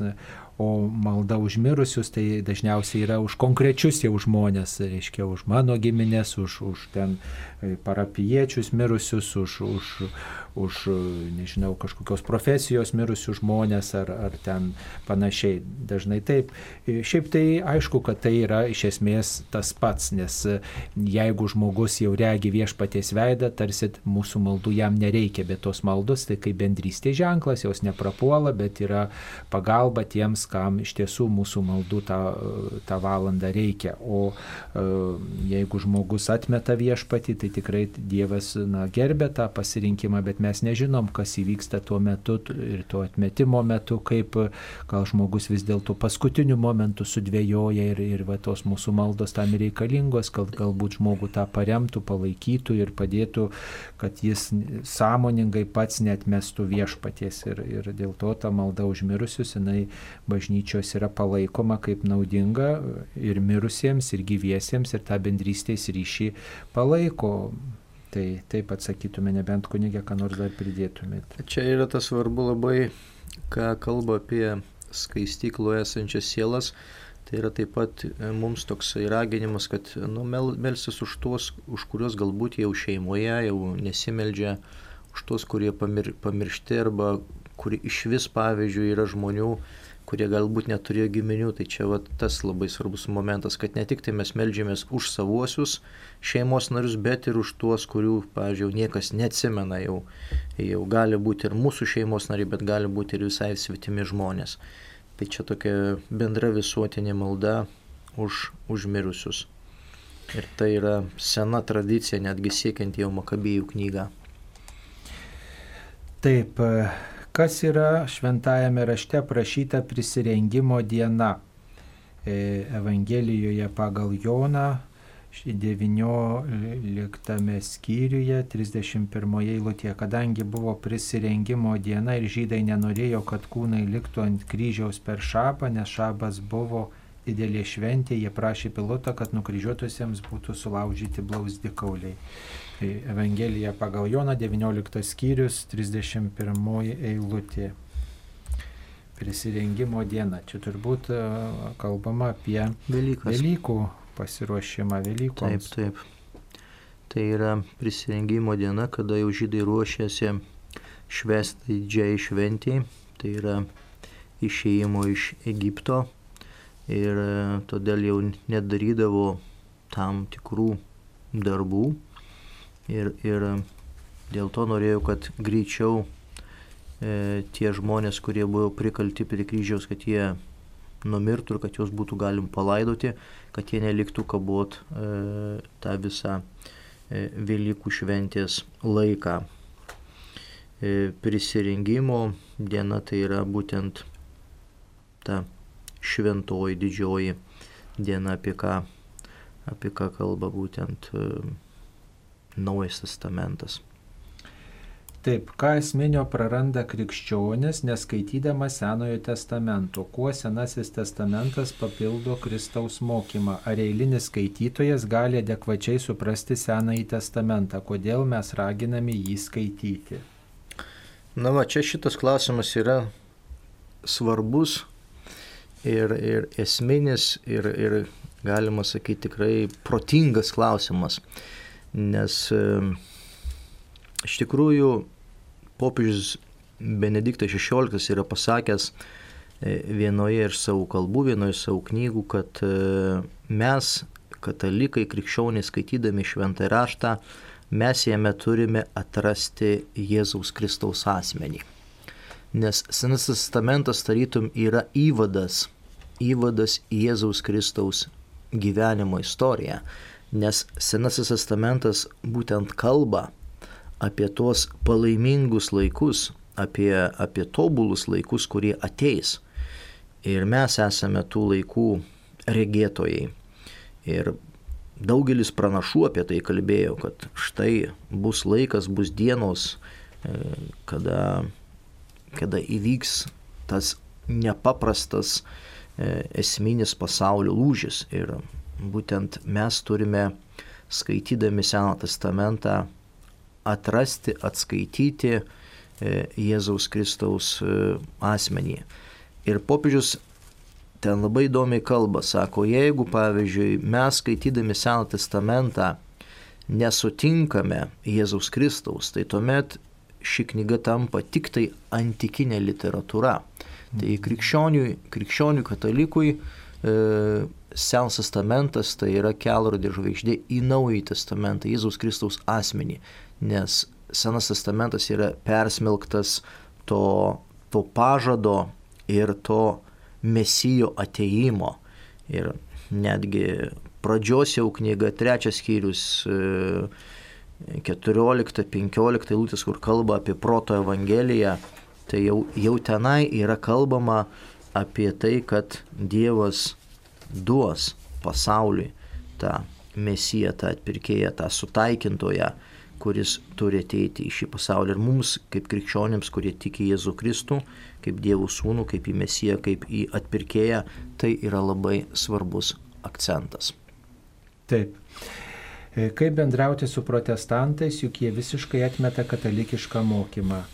Na, visiškai gal katalikiško mokymo neatmeta, yra dalykai, dėl kurių mes e, sutarėme, pavyzdžiui, maldos, e, kuriomis mes melžiamės, tėvė mūsų malda, tikėjimo išpažinimo malda, mes e, kartu ekumeninėse pamaldose dalyvaujam su protestantais, jie išpažįsta Dievą švenčiausioje trejybėje, e, tikrai išpažįsta krikšto svarbą. Ir mm, Lietuvoje protestantai tikrai jie ir pagarbiai atsiliepia apie mergelę Mariją, nėra tokio, žodžiu, atmetimo gal kaip, kaip kitur pasaulyje, žodžiu, tai yra tok, tok, toks pagarbus santykis ir tas ekumeninis bendravimas tikrai vyksta. Asmeniškai mes pažįstam ir protestantų kunigus ir bendraujam su jais. Tai, mm, tai nėra kažkas, kur, kur reikėtų bėgti kaip nuo maro. Tikrai draugiškai mes mes pasveikinkim kaip brolius krikščionis ir, pavyzdžiui, šeimos klausimais mes sutarėm, gyvybės klausimais sutarėm, taip kaip katalikai sako, kad gyvybė gerbiama nuo jos prasidėjimo iki natūralios mirties, kad šeima turi būti tarp vyro ir moters, kad šeimoje taip reikalingas įsipareigojimas visam gyvenimui, e, tai kad ši, ši šeima yra gyvybės lopšys, kad šeima yra namų bažnyčia, tai visą tą priima protestantai, aišku, gal kai kurie ten sakramentų klausimai, dar kai kurie e, klausimai yra kitaip su, suprantami, bet vis tiek mes e, eikim tuo ekumeniniu keliu, galime melstis vieni už kitus ir, ir mišių intencijose prisiminti, mišių prašymuose visuotiniai maldoj melstis už krikščionių vienybę. Kartais protestantai dalyvauja ir katalikiškose šventėse, tai nu, gražus yra tas bendrystės ryšys ir mes tikrai galim kartu ir šventą raštą skaityti ir žavėtis jų dėmesiu šventajam raštui ir, ir katalikų bažnyčiai didelė, didelė tokia paslauga padarė. Protestantai, domėdamiesi šventų raštų ir, ir iškeldami šventų rašto autoritetą, tai katalikai, galima sakyti, atsigrėžė irgi labiau į šventą įraštą protestantų dėka, tai savotiškai na, jų indėlis į bažnyčios gyvenimą irgi per skilimą, per sunkų dalyką, per skaudų dalyką, per per tokį na, kai kurių požiūrių įsiskirimą yra nelengvas dalykas, bet vis dėlto atėjo daug ir per tai tam tikrų, ta, tam tikrų tokių atsinaujinimų. Mes tikrai labiau atsigrėžėm į šventą raštą ir, ir pastaraisiais laikais tas šventosios dvasios na, atgimimas ir, ir įvertinimas šventosios dvasios, pamaldumo į šventąją dvasę, taip reiktų gal sakyti, atgimimas irgi veikiamas protestantų yra, na žinoma, čia yra ir tam tikrų iššūkių, tačiau bendrauti kaip su broliais reikėtų, kurie eina taip pat prie Kristaus ir įvairūs sunkumai, persekiojimai tikrai mūsų tą bendrystę turės turbūt tik tai didinti. E, mums paskambino. Jolanta iš Kauno. Taip, Jolanta, klauskite. Garbė Jėzu Kristui. Per amžius. Aš norėjau jūsų paklausti tokį dalyką. Aš buvau šokiruota, kad kunigas nemoka lotynų kalbos. Ar taip gali būti? Aš dabar negaliu šnekėti. Taip, taip, taip, supratom, supratom jūsų klausimą. Ar taip galėjo būti tikras kunigas per, per mišes, ta, ne per mišes, o laidojant mano brolį Liepojui? Ar galėjo rusiškai kalbėti ir iš viso visos maldos aš nesupratau nieko. Ir tai... man aš priejau pirmiausia prie jo ir sakau, kokia kalba bus, nes ten rusakalbių daug. Taip. Tai jisai man sako rusiškai, sakau, kodėl ne latiniškai. Tai aš tai lotynų dar nuo anksčiau atsimenu mišęs laikomą, suprantate, tokio amžiaus.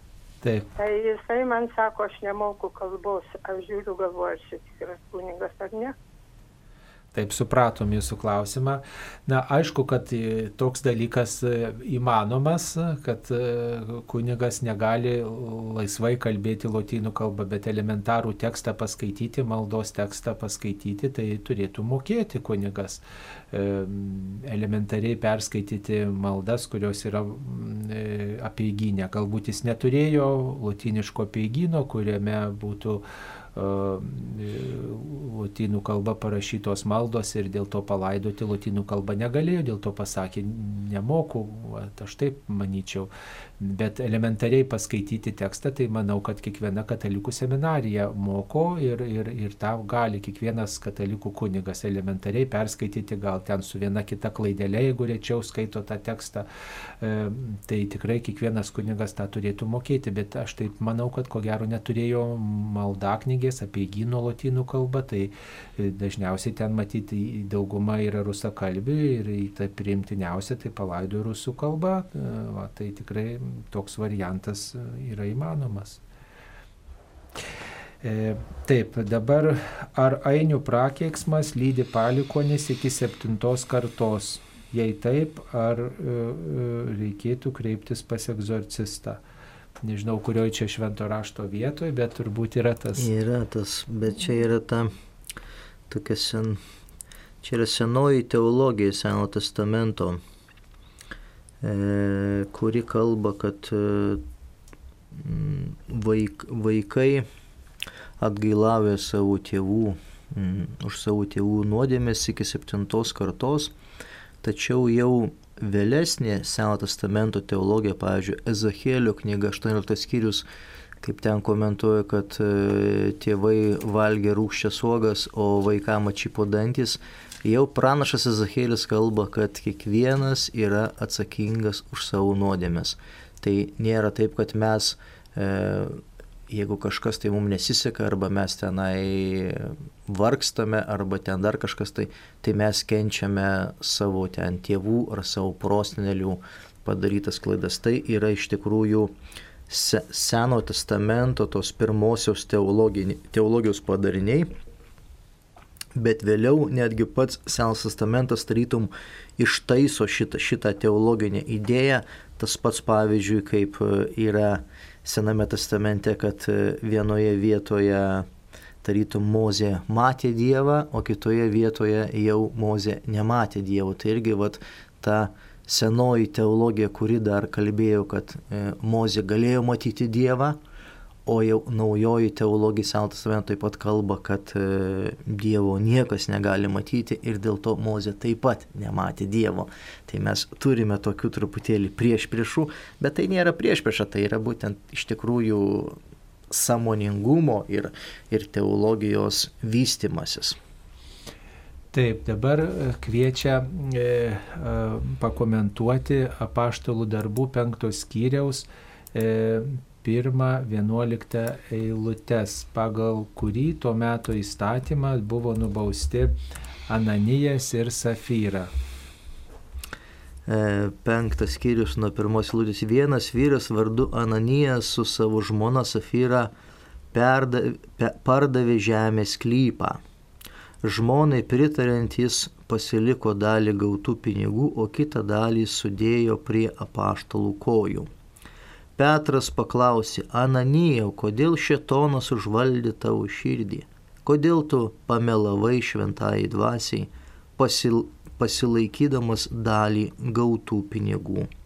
Argi negalėjai sklypo savo laikyti ir argi pardavęs negali laisvai tvarkytis?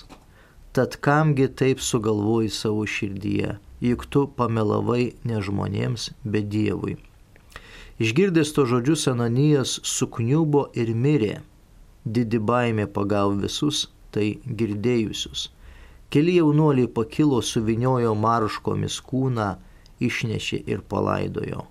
Po, ku, po kokių trijų valandų atėjo Ananijo žmona, kuri nežinojo, kas buvo atsitikę. Petras ją paklausė, pasakyk man, ar už tiek pardavėte sklypą? Taip už tiek atsakė ji. Tada Petras prabilo, kamgi jūs susimokėte mėgimdami viešpaties dvasę. Štai ties durimis skamba žingsniai tų, kurie palaidojo tavo vyrą, jie ir tave išneš. Bematant jį susmuko, jam po kojų ir mirė. Atėję jaunuoliai rado ją negyvą, nunešė ir palaidojo šalia vyro. Didelė baimė apėmė visą bažnyčią ir visus, kurie apie tai išgirdo. Čia sunku kalbėti apie kažkokį įstatymą, tai iš tikrųjų yra labiau to, tokia praktika, kad štai pirmieji krikščionys, kaip, kaip kalba apaštalų darbai, e, paprasčiausiai naudojosi visų turtų bendrai.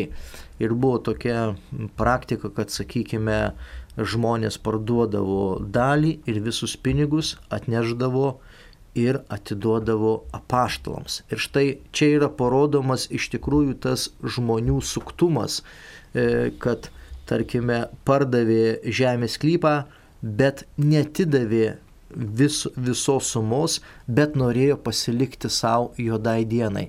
Tai ap, apgavo viešpati Dievą ir iš kitos pusės tai yra taip pat parody, parodymas nepasitikėjimas Dievu, nes tas vad būtent e, visiško e, turto pavedimas bendruomeniai, bažnyčiai, Dievui, tai yra taip pat išraiška, kad tai yra pasitikėjimas viešpačiu Dievu. Jeigu aš tai darau, aš pavedu save bendruomenį, aš pavedu save viešpačiu Dievu. Ir čia yra parodomas labai toksai skausmingas įvykis, kadangi tie žmonės iš tikrųjų nepasitikėjo viešpačiu Dievu. ir, ir netidavė bendruomeniai visos sumos, juos ištiko mirtis. Taip, tai nepasitikėjimas toksai, nepasitikėjimo vaisiai. Tas tokie. pats, tas pats čia labai iš tikrųjų žaidžia, kada, kada Mozė veda pažytę, į pažytą žemę tautą ir kada e, tauta iš tikrųjų neturi vandens ir kada Dievas sako, suduok, suduok e, lasdą vieną kartą į uolą, o Mozė nepasitikė viešpačiu Dievu, suduoda du kartus ir kokia yra konsekvencija arba kokios yra pasiekmes, jisai neįeina į pažadėtą žemę. Nepasitikėjimas Dievu žmogų sustabdo įžengimą į pažadėtą žemę. Ir čia mes turime tą atitikmenį. Taip, dabar e, dar vienas toksai e, klausimas. Senajame testamente rašoma, kad daugelis žmonių gyveno gerokai virš šimto metų, net keli šimtus. Ir kas tie milžinai? Štai ilgamžiai Senojo testamento žmonės buvo. Ar galime tai priimti pažodžiui?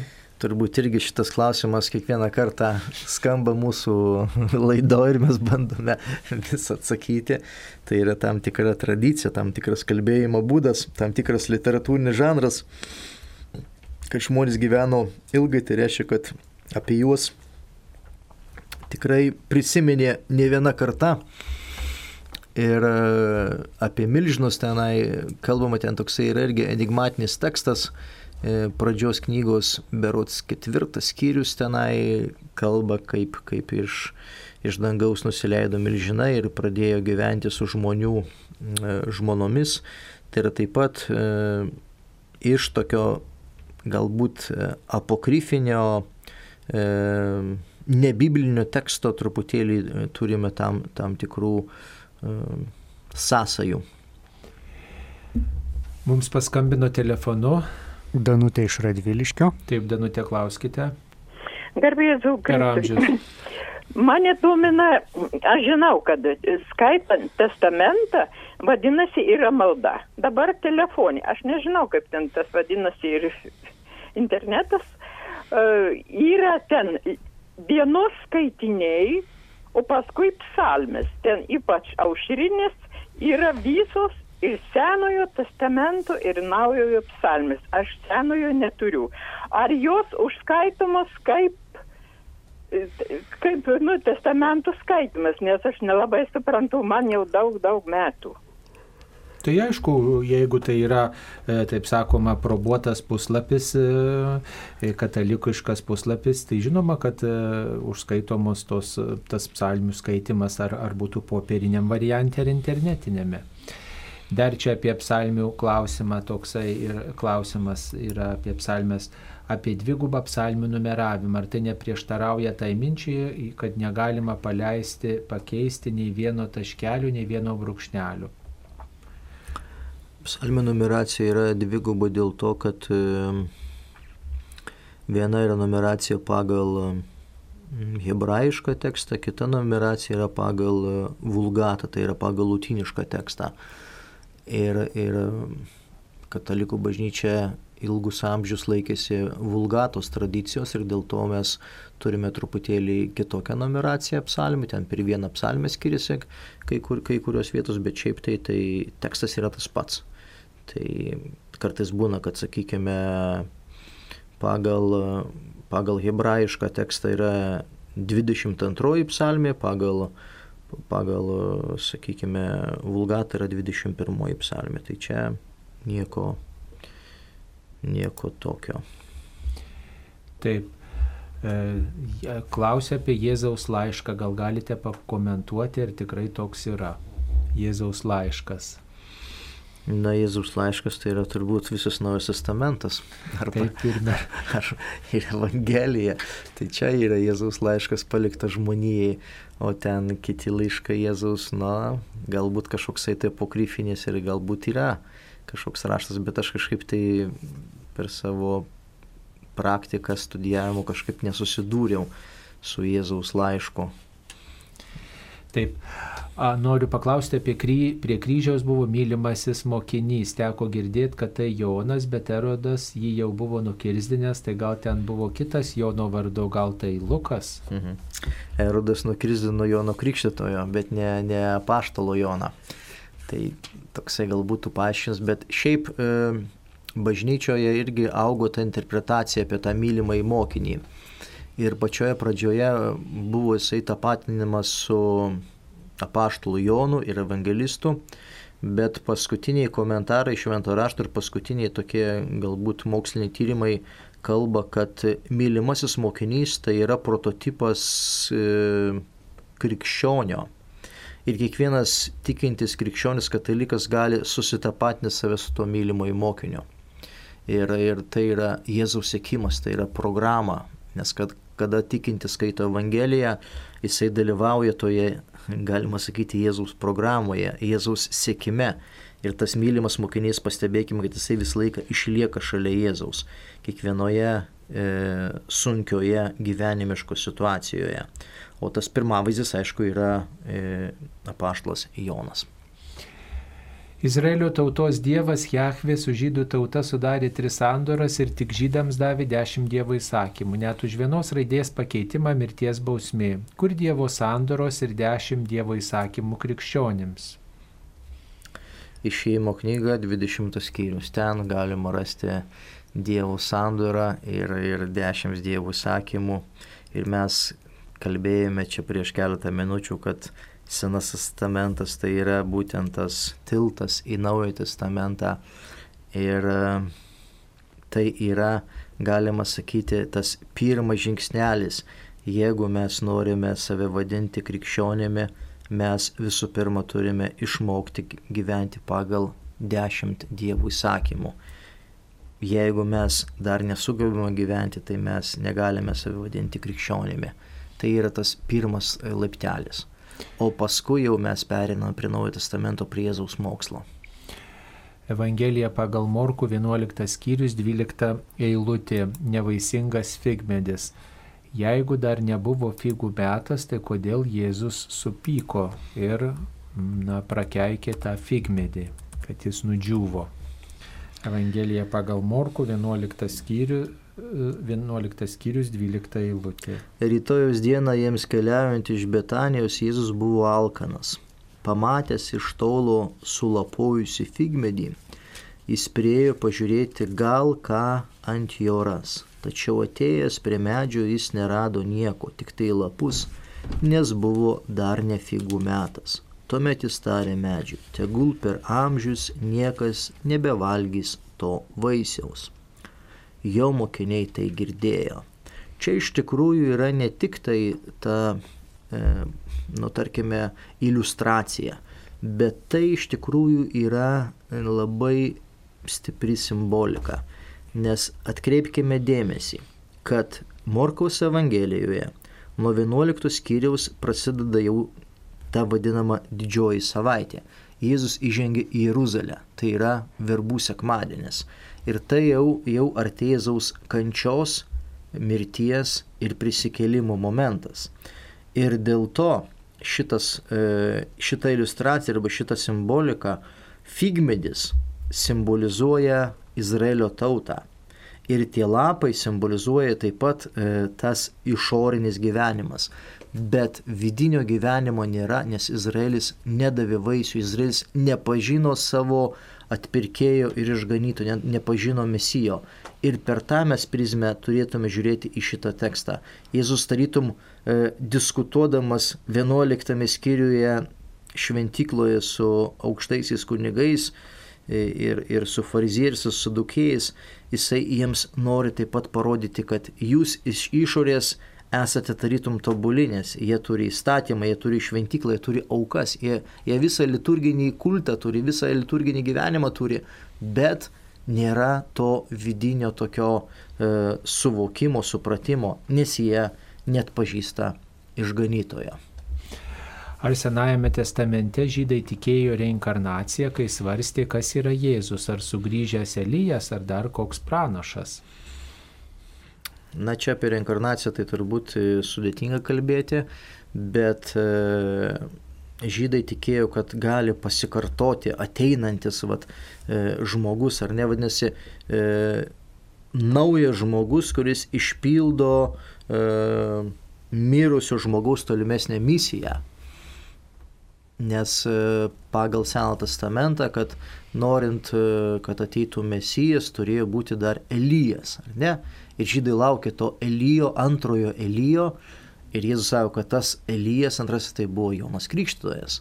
Ir, ir sako, Elijas jau buvo, bet jūs su juo pasilgėte kaip su visais pranašais. E, taip, žinau, kad joga yra negerai, o kaip su juoko joga. Tokie užsieimimai buvo įterpti į profesinės konferencijos dienotvarpę, kiek kaip atsipalaidavimo pratimai, atsipalaidavimo valandėlį, tarsi ir negali dalyvauti. Na, tai jeigu jo, joga negerai, tai ir kitokia joga ten, ar juoko, ar, ar dar kažkokia, aišku, ne, nepatartina.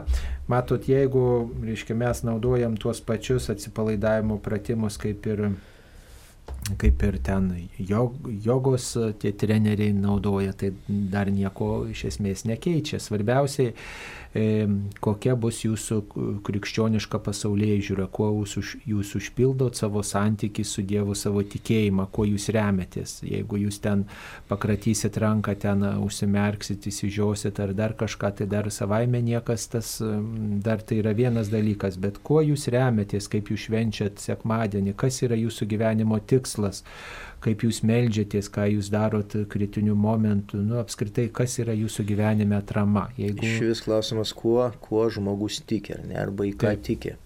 Kas, kas yra jo gyvenimo pagrindas. Tai va čia va, reikia, mes turim atsakyti. O žmogus iš tikrųjų visą laiką ieško kažkokios tai naujovės, nes krikščionybė yra 2000 metų, Lietuvoje yra 600 metų, tai tas jau tarytum yra neįdomu. Jau, bet, bet iš tikrųjų kiekvieną žmogų va, paklaustume tokių elementarių dalykų, tarkime, kad ir va dabar kalbėjome apie, apie Dievo įsakymą. Tai pirmas įsakymas yra neturėk kitų dievų, tik tai mane vieną. Ir, ir dabar užduotume klausimą, ar tikrai žmogus bent laikosi šito įsakymo. Ir turbūt nesurastume nei vieno žmogaus, kuris laikytųsi šimta procentaliai šito įsakymo. Tai mesgi netgi dar neišeiname iš Seno testamento. O, o viską metame ir dabar einame kažkur tai kitur, kur iš tikrųjų yra kažkas senau ir kur iš tikrųjų žavė. Bet tai neduoda to amžino gyvenimo perspektyvos ir to neduoda būtent atpirkimo, ką, ką pas mus yra. Tai čia iš tikrųjų reikėtų e, susimastyti ir iš kitos pusės pagilinti arba netgi susipažinti su savo tikėjimu, nes dabartiniai popiežiai kalba, kad iš tikrųjų Europai, visai Europai reikia vėl tos revangelizacijos, vėl per naują peržvelgti tas e, tikėjimo tiesas, kurios jau yra paskelbtos, nes žmonės yra arba pamiršę, arba neišmokę, arba nesuvokę ir gyvena tokį labai paviršutinį dvasinį gyvenimą. Taip mums paskambino. Kasgi mums paskambino? Stanislava iš Kauno. Taip, Stanislava. Per amžius. Norėjau paklausti apie Mariją Magdaleną ar Marija Magdalena vadinama mūsų, ar jinai buvo, čia rašo pagal Joną ir Matą Evangelijoje, kad jinai buvo iš Betanijos, Lozoriaus ir Mortos sesuo. O kito evangelisto rašo, kad jinai buvo iš, iš Magdalos Magdalena, kito, kita. Ir antrą klausimą norėčiau nežinau ar nesupratau, aš kiek supratau, čia į Marijos e, litaniją popiežius įdėjo naują invokaciją. Priebėga šitų keliaujančių. Ne, ne keliautojų, bet jisai, aš supratau, kad jisai sakė priebėgai e, pabėgėlių. Migrantų. O čia dabar įdėta, kad e, keliaujančių, tai keliaujančiųjų tai yra ir turistai, ir visokios prabangos tenai tie keliautojai, o jau pabėgėliai tai yra jau kitokie.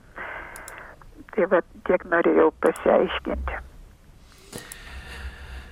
Taip, tai e, apie popiežiaus e, kreipinius. Na tai matot, e, tie kreipiniai visuotiniai bažnyčioje čia jau įdėti ir mes Lietuvoje juos priimam. Lietuvos viskupų konferencija nusprendė tokį, tokį reiškia, kreipinį įdėti ir mes tokiu kreipiniu ir melžiamės. Na, galbūt šiek tiek praplečia praplečia tas žodis keliaujantis, tai net ir tas, kuris prabangos mėgėjas, jis jau yra savo kraštą palikęs ir jam reikia remtis kažkuo ne tik tai savimi, bet ir prašyti pagalbos, kad jo ta kelionė sėkmingai klostytųsi. Matų tikėjimas skiriamas galų gale visiems migrantams ir turtingiems, ir neturtingiems, ir, ir, ir, ir, ir tie, kurie keliauja visokių tikslų vedini, bet svarbiausiai, kad tikrai tas keliavimas į gerą atvestų, kad nesvarbu, kaip žmogus išsiruošęs dėl kokių tikslų, svarbu, kad tai atvestų į gerą jį, atrastų jisai Dievą per tą kelionę, kad galbūt jo gyvenime tikrai būtų daugiau artimo meilės ir net ir tos intencijos, kurios gal ir nekokios buvo, kad jos išsi, iš, iš, tiesiog ištiesėtų, pasidarytų tokios skaidresnės, tai, na, galbūt toks primtinesnis tas vertimas, nes žodinė, žodis migrantai gali būti verčiamas ne tik tai pabėgėliai, kaip jūs čia norit pasukti, bet taip pat ir kaip keliautojai, nes migrantas tas ir yra, kuris keliauja, tik tai mūsų tokioj vat, sąmonėje, tai migrantai, tai tie, kurie bėga iš savo krašto dėl E, skurdo, dėl vargo, at, tai toks yra, bet gali būti tai pavadinti ir, ir, ir keliautojais. Net ir keliaivį priglopti yra net ir geras darbas, ne migrantą priglopti, bet keliaivį, tai čia toks senesnis tas terminas. Čia yra, tai mato Evangelijoje 25 skyrių, kada kalbam apie tą paskutinį teismą, buvau keliaivis ir priklaudyti mane ir ten yra graikiškas žodis ksenos. Tai va jisai ir, ir, ir svetim šalis, ir keliautojas, ir, ir tas, kuris paprasčiausiai nu, reikalinga jam kažkokia tai pagalba. Tai va šitas, nes jisai apima platesnį spektrą, ne vien tik tai migrantas. Aš norėčiau tada kalbėti apie Mariją Magdalietę, kur uždavė klausimą. Iš tikrųjų, Naume testamente e, šis vardas minimas 13 kartų. Ir štai Luko Evangelijoje 8 skyriuje antroje eilutėje atsakoma, kas iš tikrųjų buvo ta Marija Magdalietė. Taip pat kai kurios moteris, kurios buvo pagydytos nuo piktųjų dvasių ir lygų. Marija vadinama Magdalietė, iš kurios septyni velniai buvo išėję. Tai štai čia yra atsakymas kas buvo Marija Magdalietė.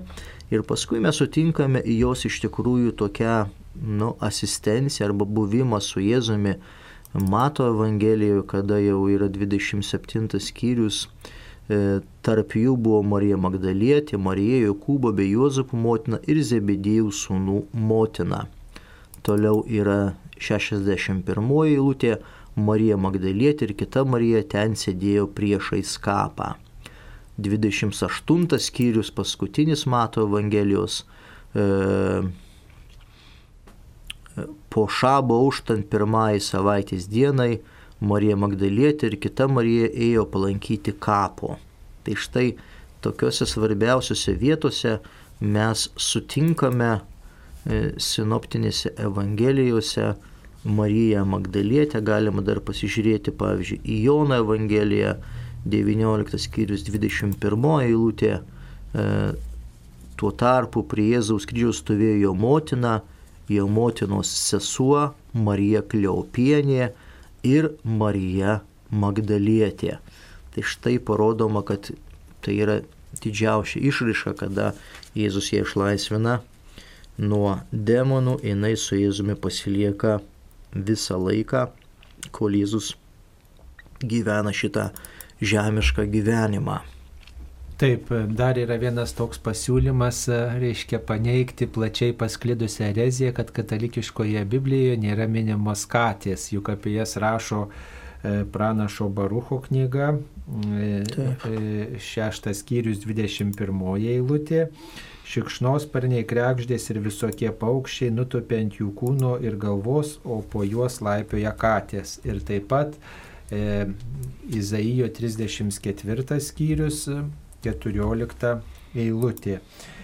E, taigi e, tokios yra e, toks pasiūlymas, tikrai tas kartais sklando 34 skyrius 14 eilutė, kurioje rašoma taip. Laukinės katės susitiks su hienomis, satyrai vienas kitam šūkaus. Ir taip toliau. Taigi Biblijoje, katalikiškoje Biblijoje vis dėlto Du kartus, yra, du kartus minima. Pas pranašą Izaiją ir, ir, ir laiškas Barucho. Mm, Čia kalbant apie, pavyzdžiui, pranašą Izaiją, 34 skyrius 14 eilutė čia priklauso nuo vertimo. Mūsų mm, e, vertėjas Antanas Rupšys verčia laukinės katės susitiks su hienomis, satyrai šūkaus vienas kitam, net lyja ten įsikurs, ten ras savo polisiui vietą. Tačiau, pavyzdžiui, Jurienas verčia, velniai susitiks su vaiduokliais ir gauruočiai, vienas su kitu sueis. Tikrai ten apsis, apsistos ilsėtis lylyje ir ras savo polisio vietą. Bet atkreipkime dėmesį, kad Sename testamente šitose dviejose vietose katės yra neigiamai pavaizduotos, nes jos simbolizuoja būtent egiptietiškus dievus. Ir tai nėra pozityvu. Baruchas, tada pasižiūrim dar e, šeštas skyrius 21 eilutė. Ant jų kūno ir galvos tupia šikšnosparniai, krekždės ir visokie paukščiai bei laipioja katės. Taip. Tai aluzija į pagonių dievus. Dabar e, apaštalų darbų 28 skyrius 11 eilutė.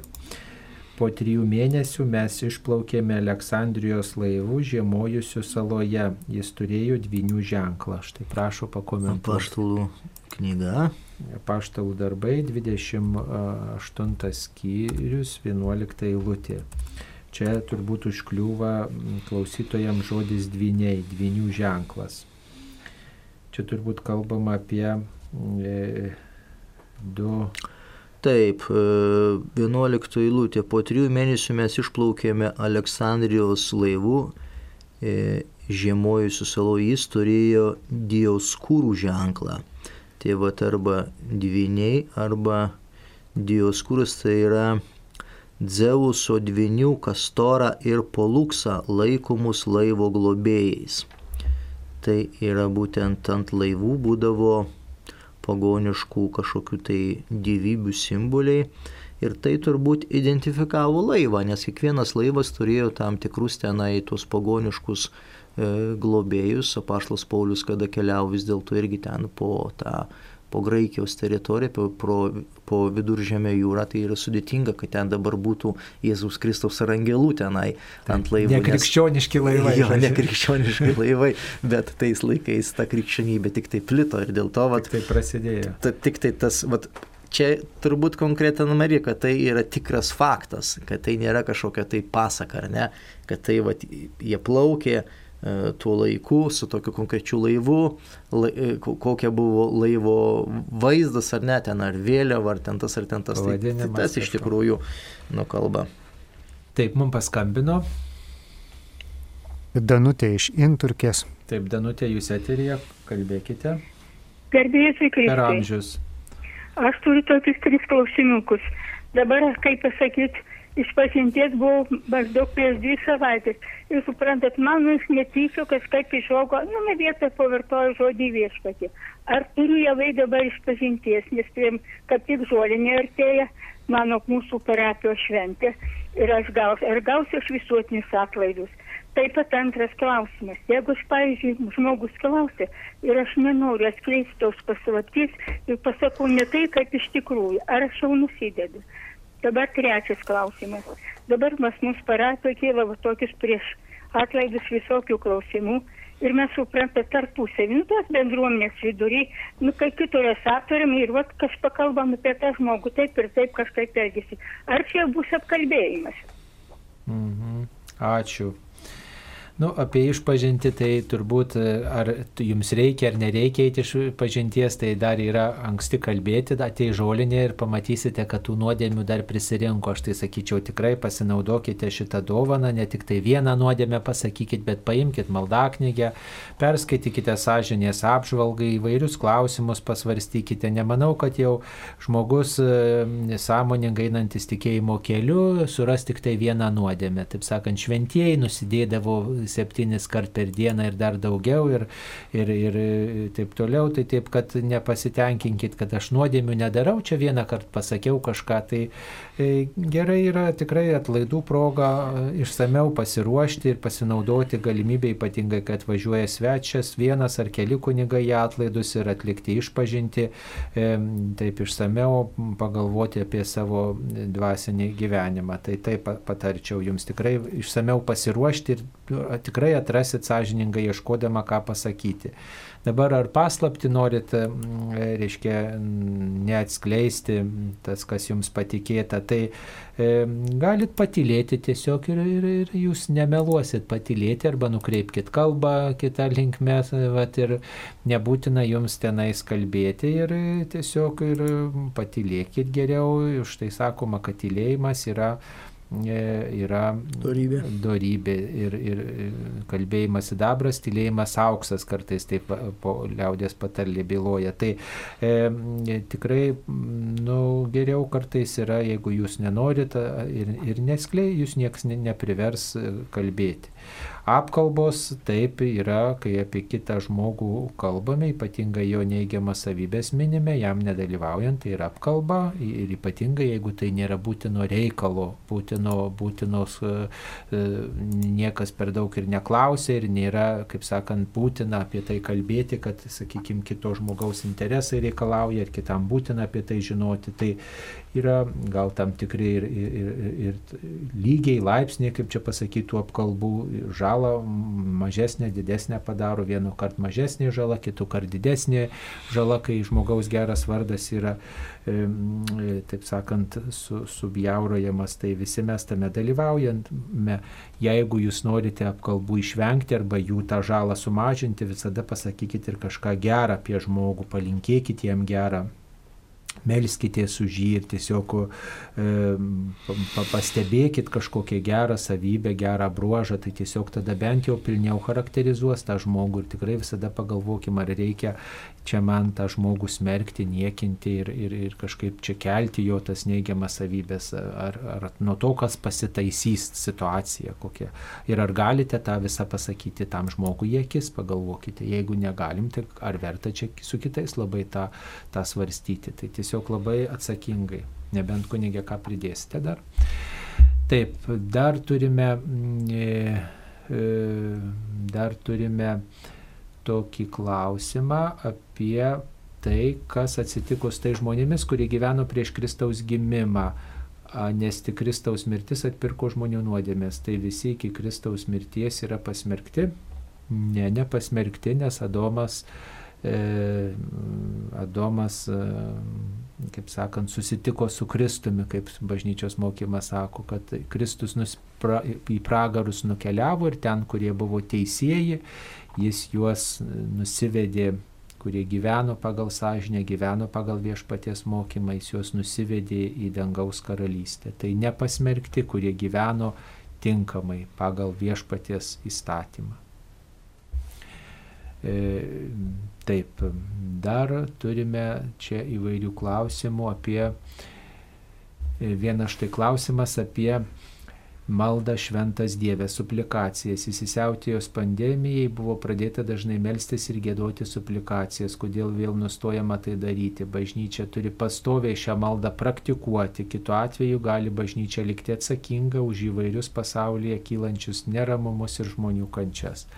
Nu nežinau, kas čia atsakomybę turi prisijimti už žmonių kančias ir pasaulio neramumus. Bažnyčia nuolat meldžiasi matot, sakyti, kad tik ta malda išgelbės yra truputį toks pagoniškas, gal pagoniškas e, e, prieimas. Viena ar kita malda gal turi savo tradiciją, savo situaciją, savo, savo tokį, nu, savo, savo tokią istoriją.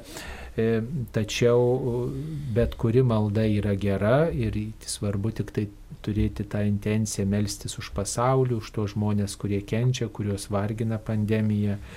Bažnyčia meldžiasi ir, ir e, tikrai nėra taip, kad e, nesimelstų bažnyčia O, o kas atsakingas už pasaulio neramumus ir kančias, tai na, atsakingas visų pirma tas, kas netinkamai elgesi, kas daro nuodėmę, va, o, o kiekvienas mes esam atsakingas. Bažnyčia tai visi mes esam. Ir, ir jeigu jūs matot, kad nesimeldžia kažkas, jūs melskitės. Jeigu jums ta malda atrodo tikrai svarbi, reikšminga, graži, prasminga, tai kiekvienas galim ją praktikuoti ir, ir, ir savo bendruomenę pakviesti tą daryti. Tai taip atsakytume į jūsų pateiktą klausimą. Dabar Luko Evangelijos trečias skyrius nuo 23 iki 38 eilutės. Luko Evangelijos trečias skyrius nuo 23 iki 38 išvardintos visos e, žydų vyrų dinastijos kartos nuo Jėzaus iki Jakvės. Kokia eilutė? Nuo Luko, Luko Evangelijos trečias skyrius nuo 23 iki 38. Genealogija. Taip, kaip suprasti šį sąrašą? E, mes turime Evangelijose dvi genealogijas. E, Mato Evangelijoje mes turime pirmajame skyriuje, pradedant nuo Abraomo iki Jėzaus, o Luko Evangelijoje mes turime nuo Jėzaus Kristaus ir iki Adomo. Tai yra dvi genealogijos. Atkreipkime dėmesį kad e, viena genealogija prasideda nuo Abraomo ir baigėsi Jėzumi.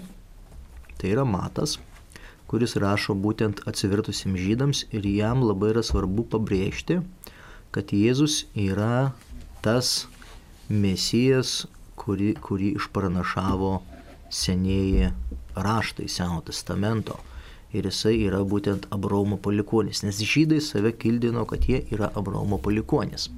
O štai Lukas, kadangi jisai rašo jau atsivertusiems pagonims, jam svarbiausia pabrėžti, kad Jėzus yra taip pat žmogus, jisai yra kilęs iš Adomo. Tai va čia yra dvi tokios skirtingos mintis arba dvi skirtingos linijos, nes mums iš tikrųjų dabartiniam tikinčiam yra viskas labai jau suprantama ir sudėliota. Bet pirmajam, pirmiesiam žmonėms, kurie ten pradėjo tik tai apčiopti krikščionybę, jiems labai buvo sudėtinga ir, ir suprasti, kaip Jėzus buvo Dievas ir žmogus. Ir čia iš tikrųjų štai Evangelija pabrėžia, kad Jėzus ne tik tai buvo Dievas, bet taip pat buvo ir žmogus. Ir jisai kilęs yra iš Adomo, iš pirmojo žmogaus. Taip, ačiū. Ir paskutinis klausimas šioje laidoje apie santoką. E, ar sutuoktinė turi teisę savinti savo vyrą, kontroliuoti jį, ar įmanomas reikalingas privatumas santokoje ar po santokos. E, e, kaip vyras turiu teisę pabūti vieną su savo šeima, draugais, prižiūrėti savo tėvus. Na, taip, reikia pasakyti turbūt, kad santoka tai yra dviejų žmonių e, vis dėlto ryšys ir reikėtų aptarti daugelį dalykų prieš sudarant santoką, turbūt kaip jūs rūpinsitės ir savo tėvais, ir kiek jūs e, pasitikite vienas kito. Aišku, kad kiekvienas turi teisę net ir santokoje būdamas, reiškia, rūpinti savo tėvais, senais tėvais ir skirti laiką. Ir, truputėlį turbūt reikia ir to privatumo, net ir, reiškia, vienas žmogus turi pabūti kažkiek, bet e, tas kontroliavimas tai turbūt pasitikėjimo dalykas yra, nereiškia, jeigu nuolat kontroliuoja, tai nepasitikė, reiškia, kažkas yra kažkokios e, jūsų tarpusavio santykio įtrukimas, kažkoks yra kažkokios problemos, galbūt jūs sudarot ir tam tikrą pagrindą duodat nepasitikėti jumis. Čia, žinot, negalime šaudyti vienus vartus, tiesiog reikia jums konsultacijos, galbūt į šeimos centrą kreipkitės, galbūt pasikalbėkite su šeimos centrų psichologais kad mes galėtume tikrai aptarti, kad būtų galima aptarti tą situaciją iš įvairių pusių. Aišku, kad savinti žmogaus kontroliuoti negalima, bet kita vertus, jeigu žmogus nu, va, duoda tokių nepasitikėjimų kažkokių ženklų, tai kitas žmogus irgi jaučiasi nesaugiai. Va. O tėvais, tai žinoma, esame kviečiami atsakingai rūpintis ir tiek savo tėvais, tiek uošveis, kaip sakoma, nes tai yra šeimos dalis ir palikti visiškai likimo valiai, kaip sako, nesirūpinti, numoti ranką, čia mano šeima, o tie seneliai tie gyvena kaip nori, truputį neatsakinga yra ir prieš jūsų vaikus, ir prieš tuos žmonės, kurie mums šį gyvenimą dovanojo. Taigi, mėly Marijos radio klausytojai, šią laidą baigėme. E, šioje laidoje į klausimus atsakinėjo Vilkijos ir Seredžiaus parapijų klebonas Lina Šipavičius, nuoširdžiai dėkojame ir prie mikrofono buvau ir aš, kunigas Saulis Bužauskas. Ačiū, sudė. Sudė.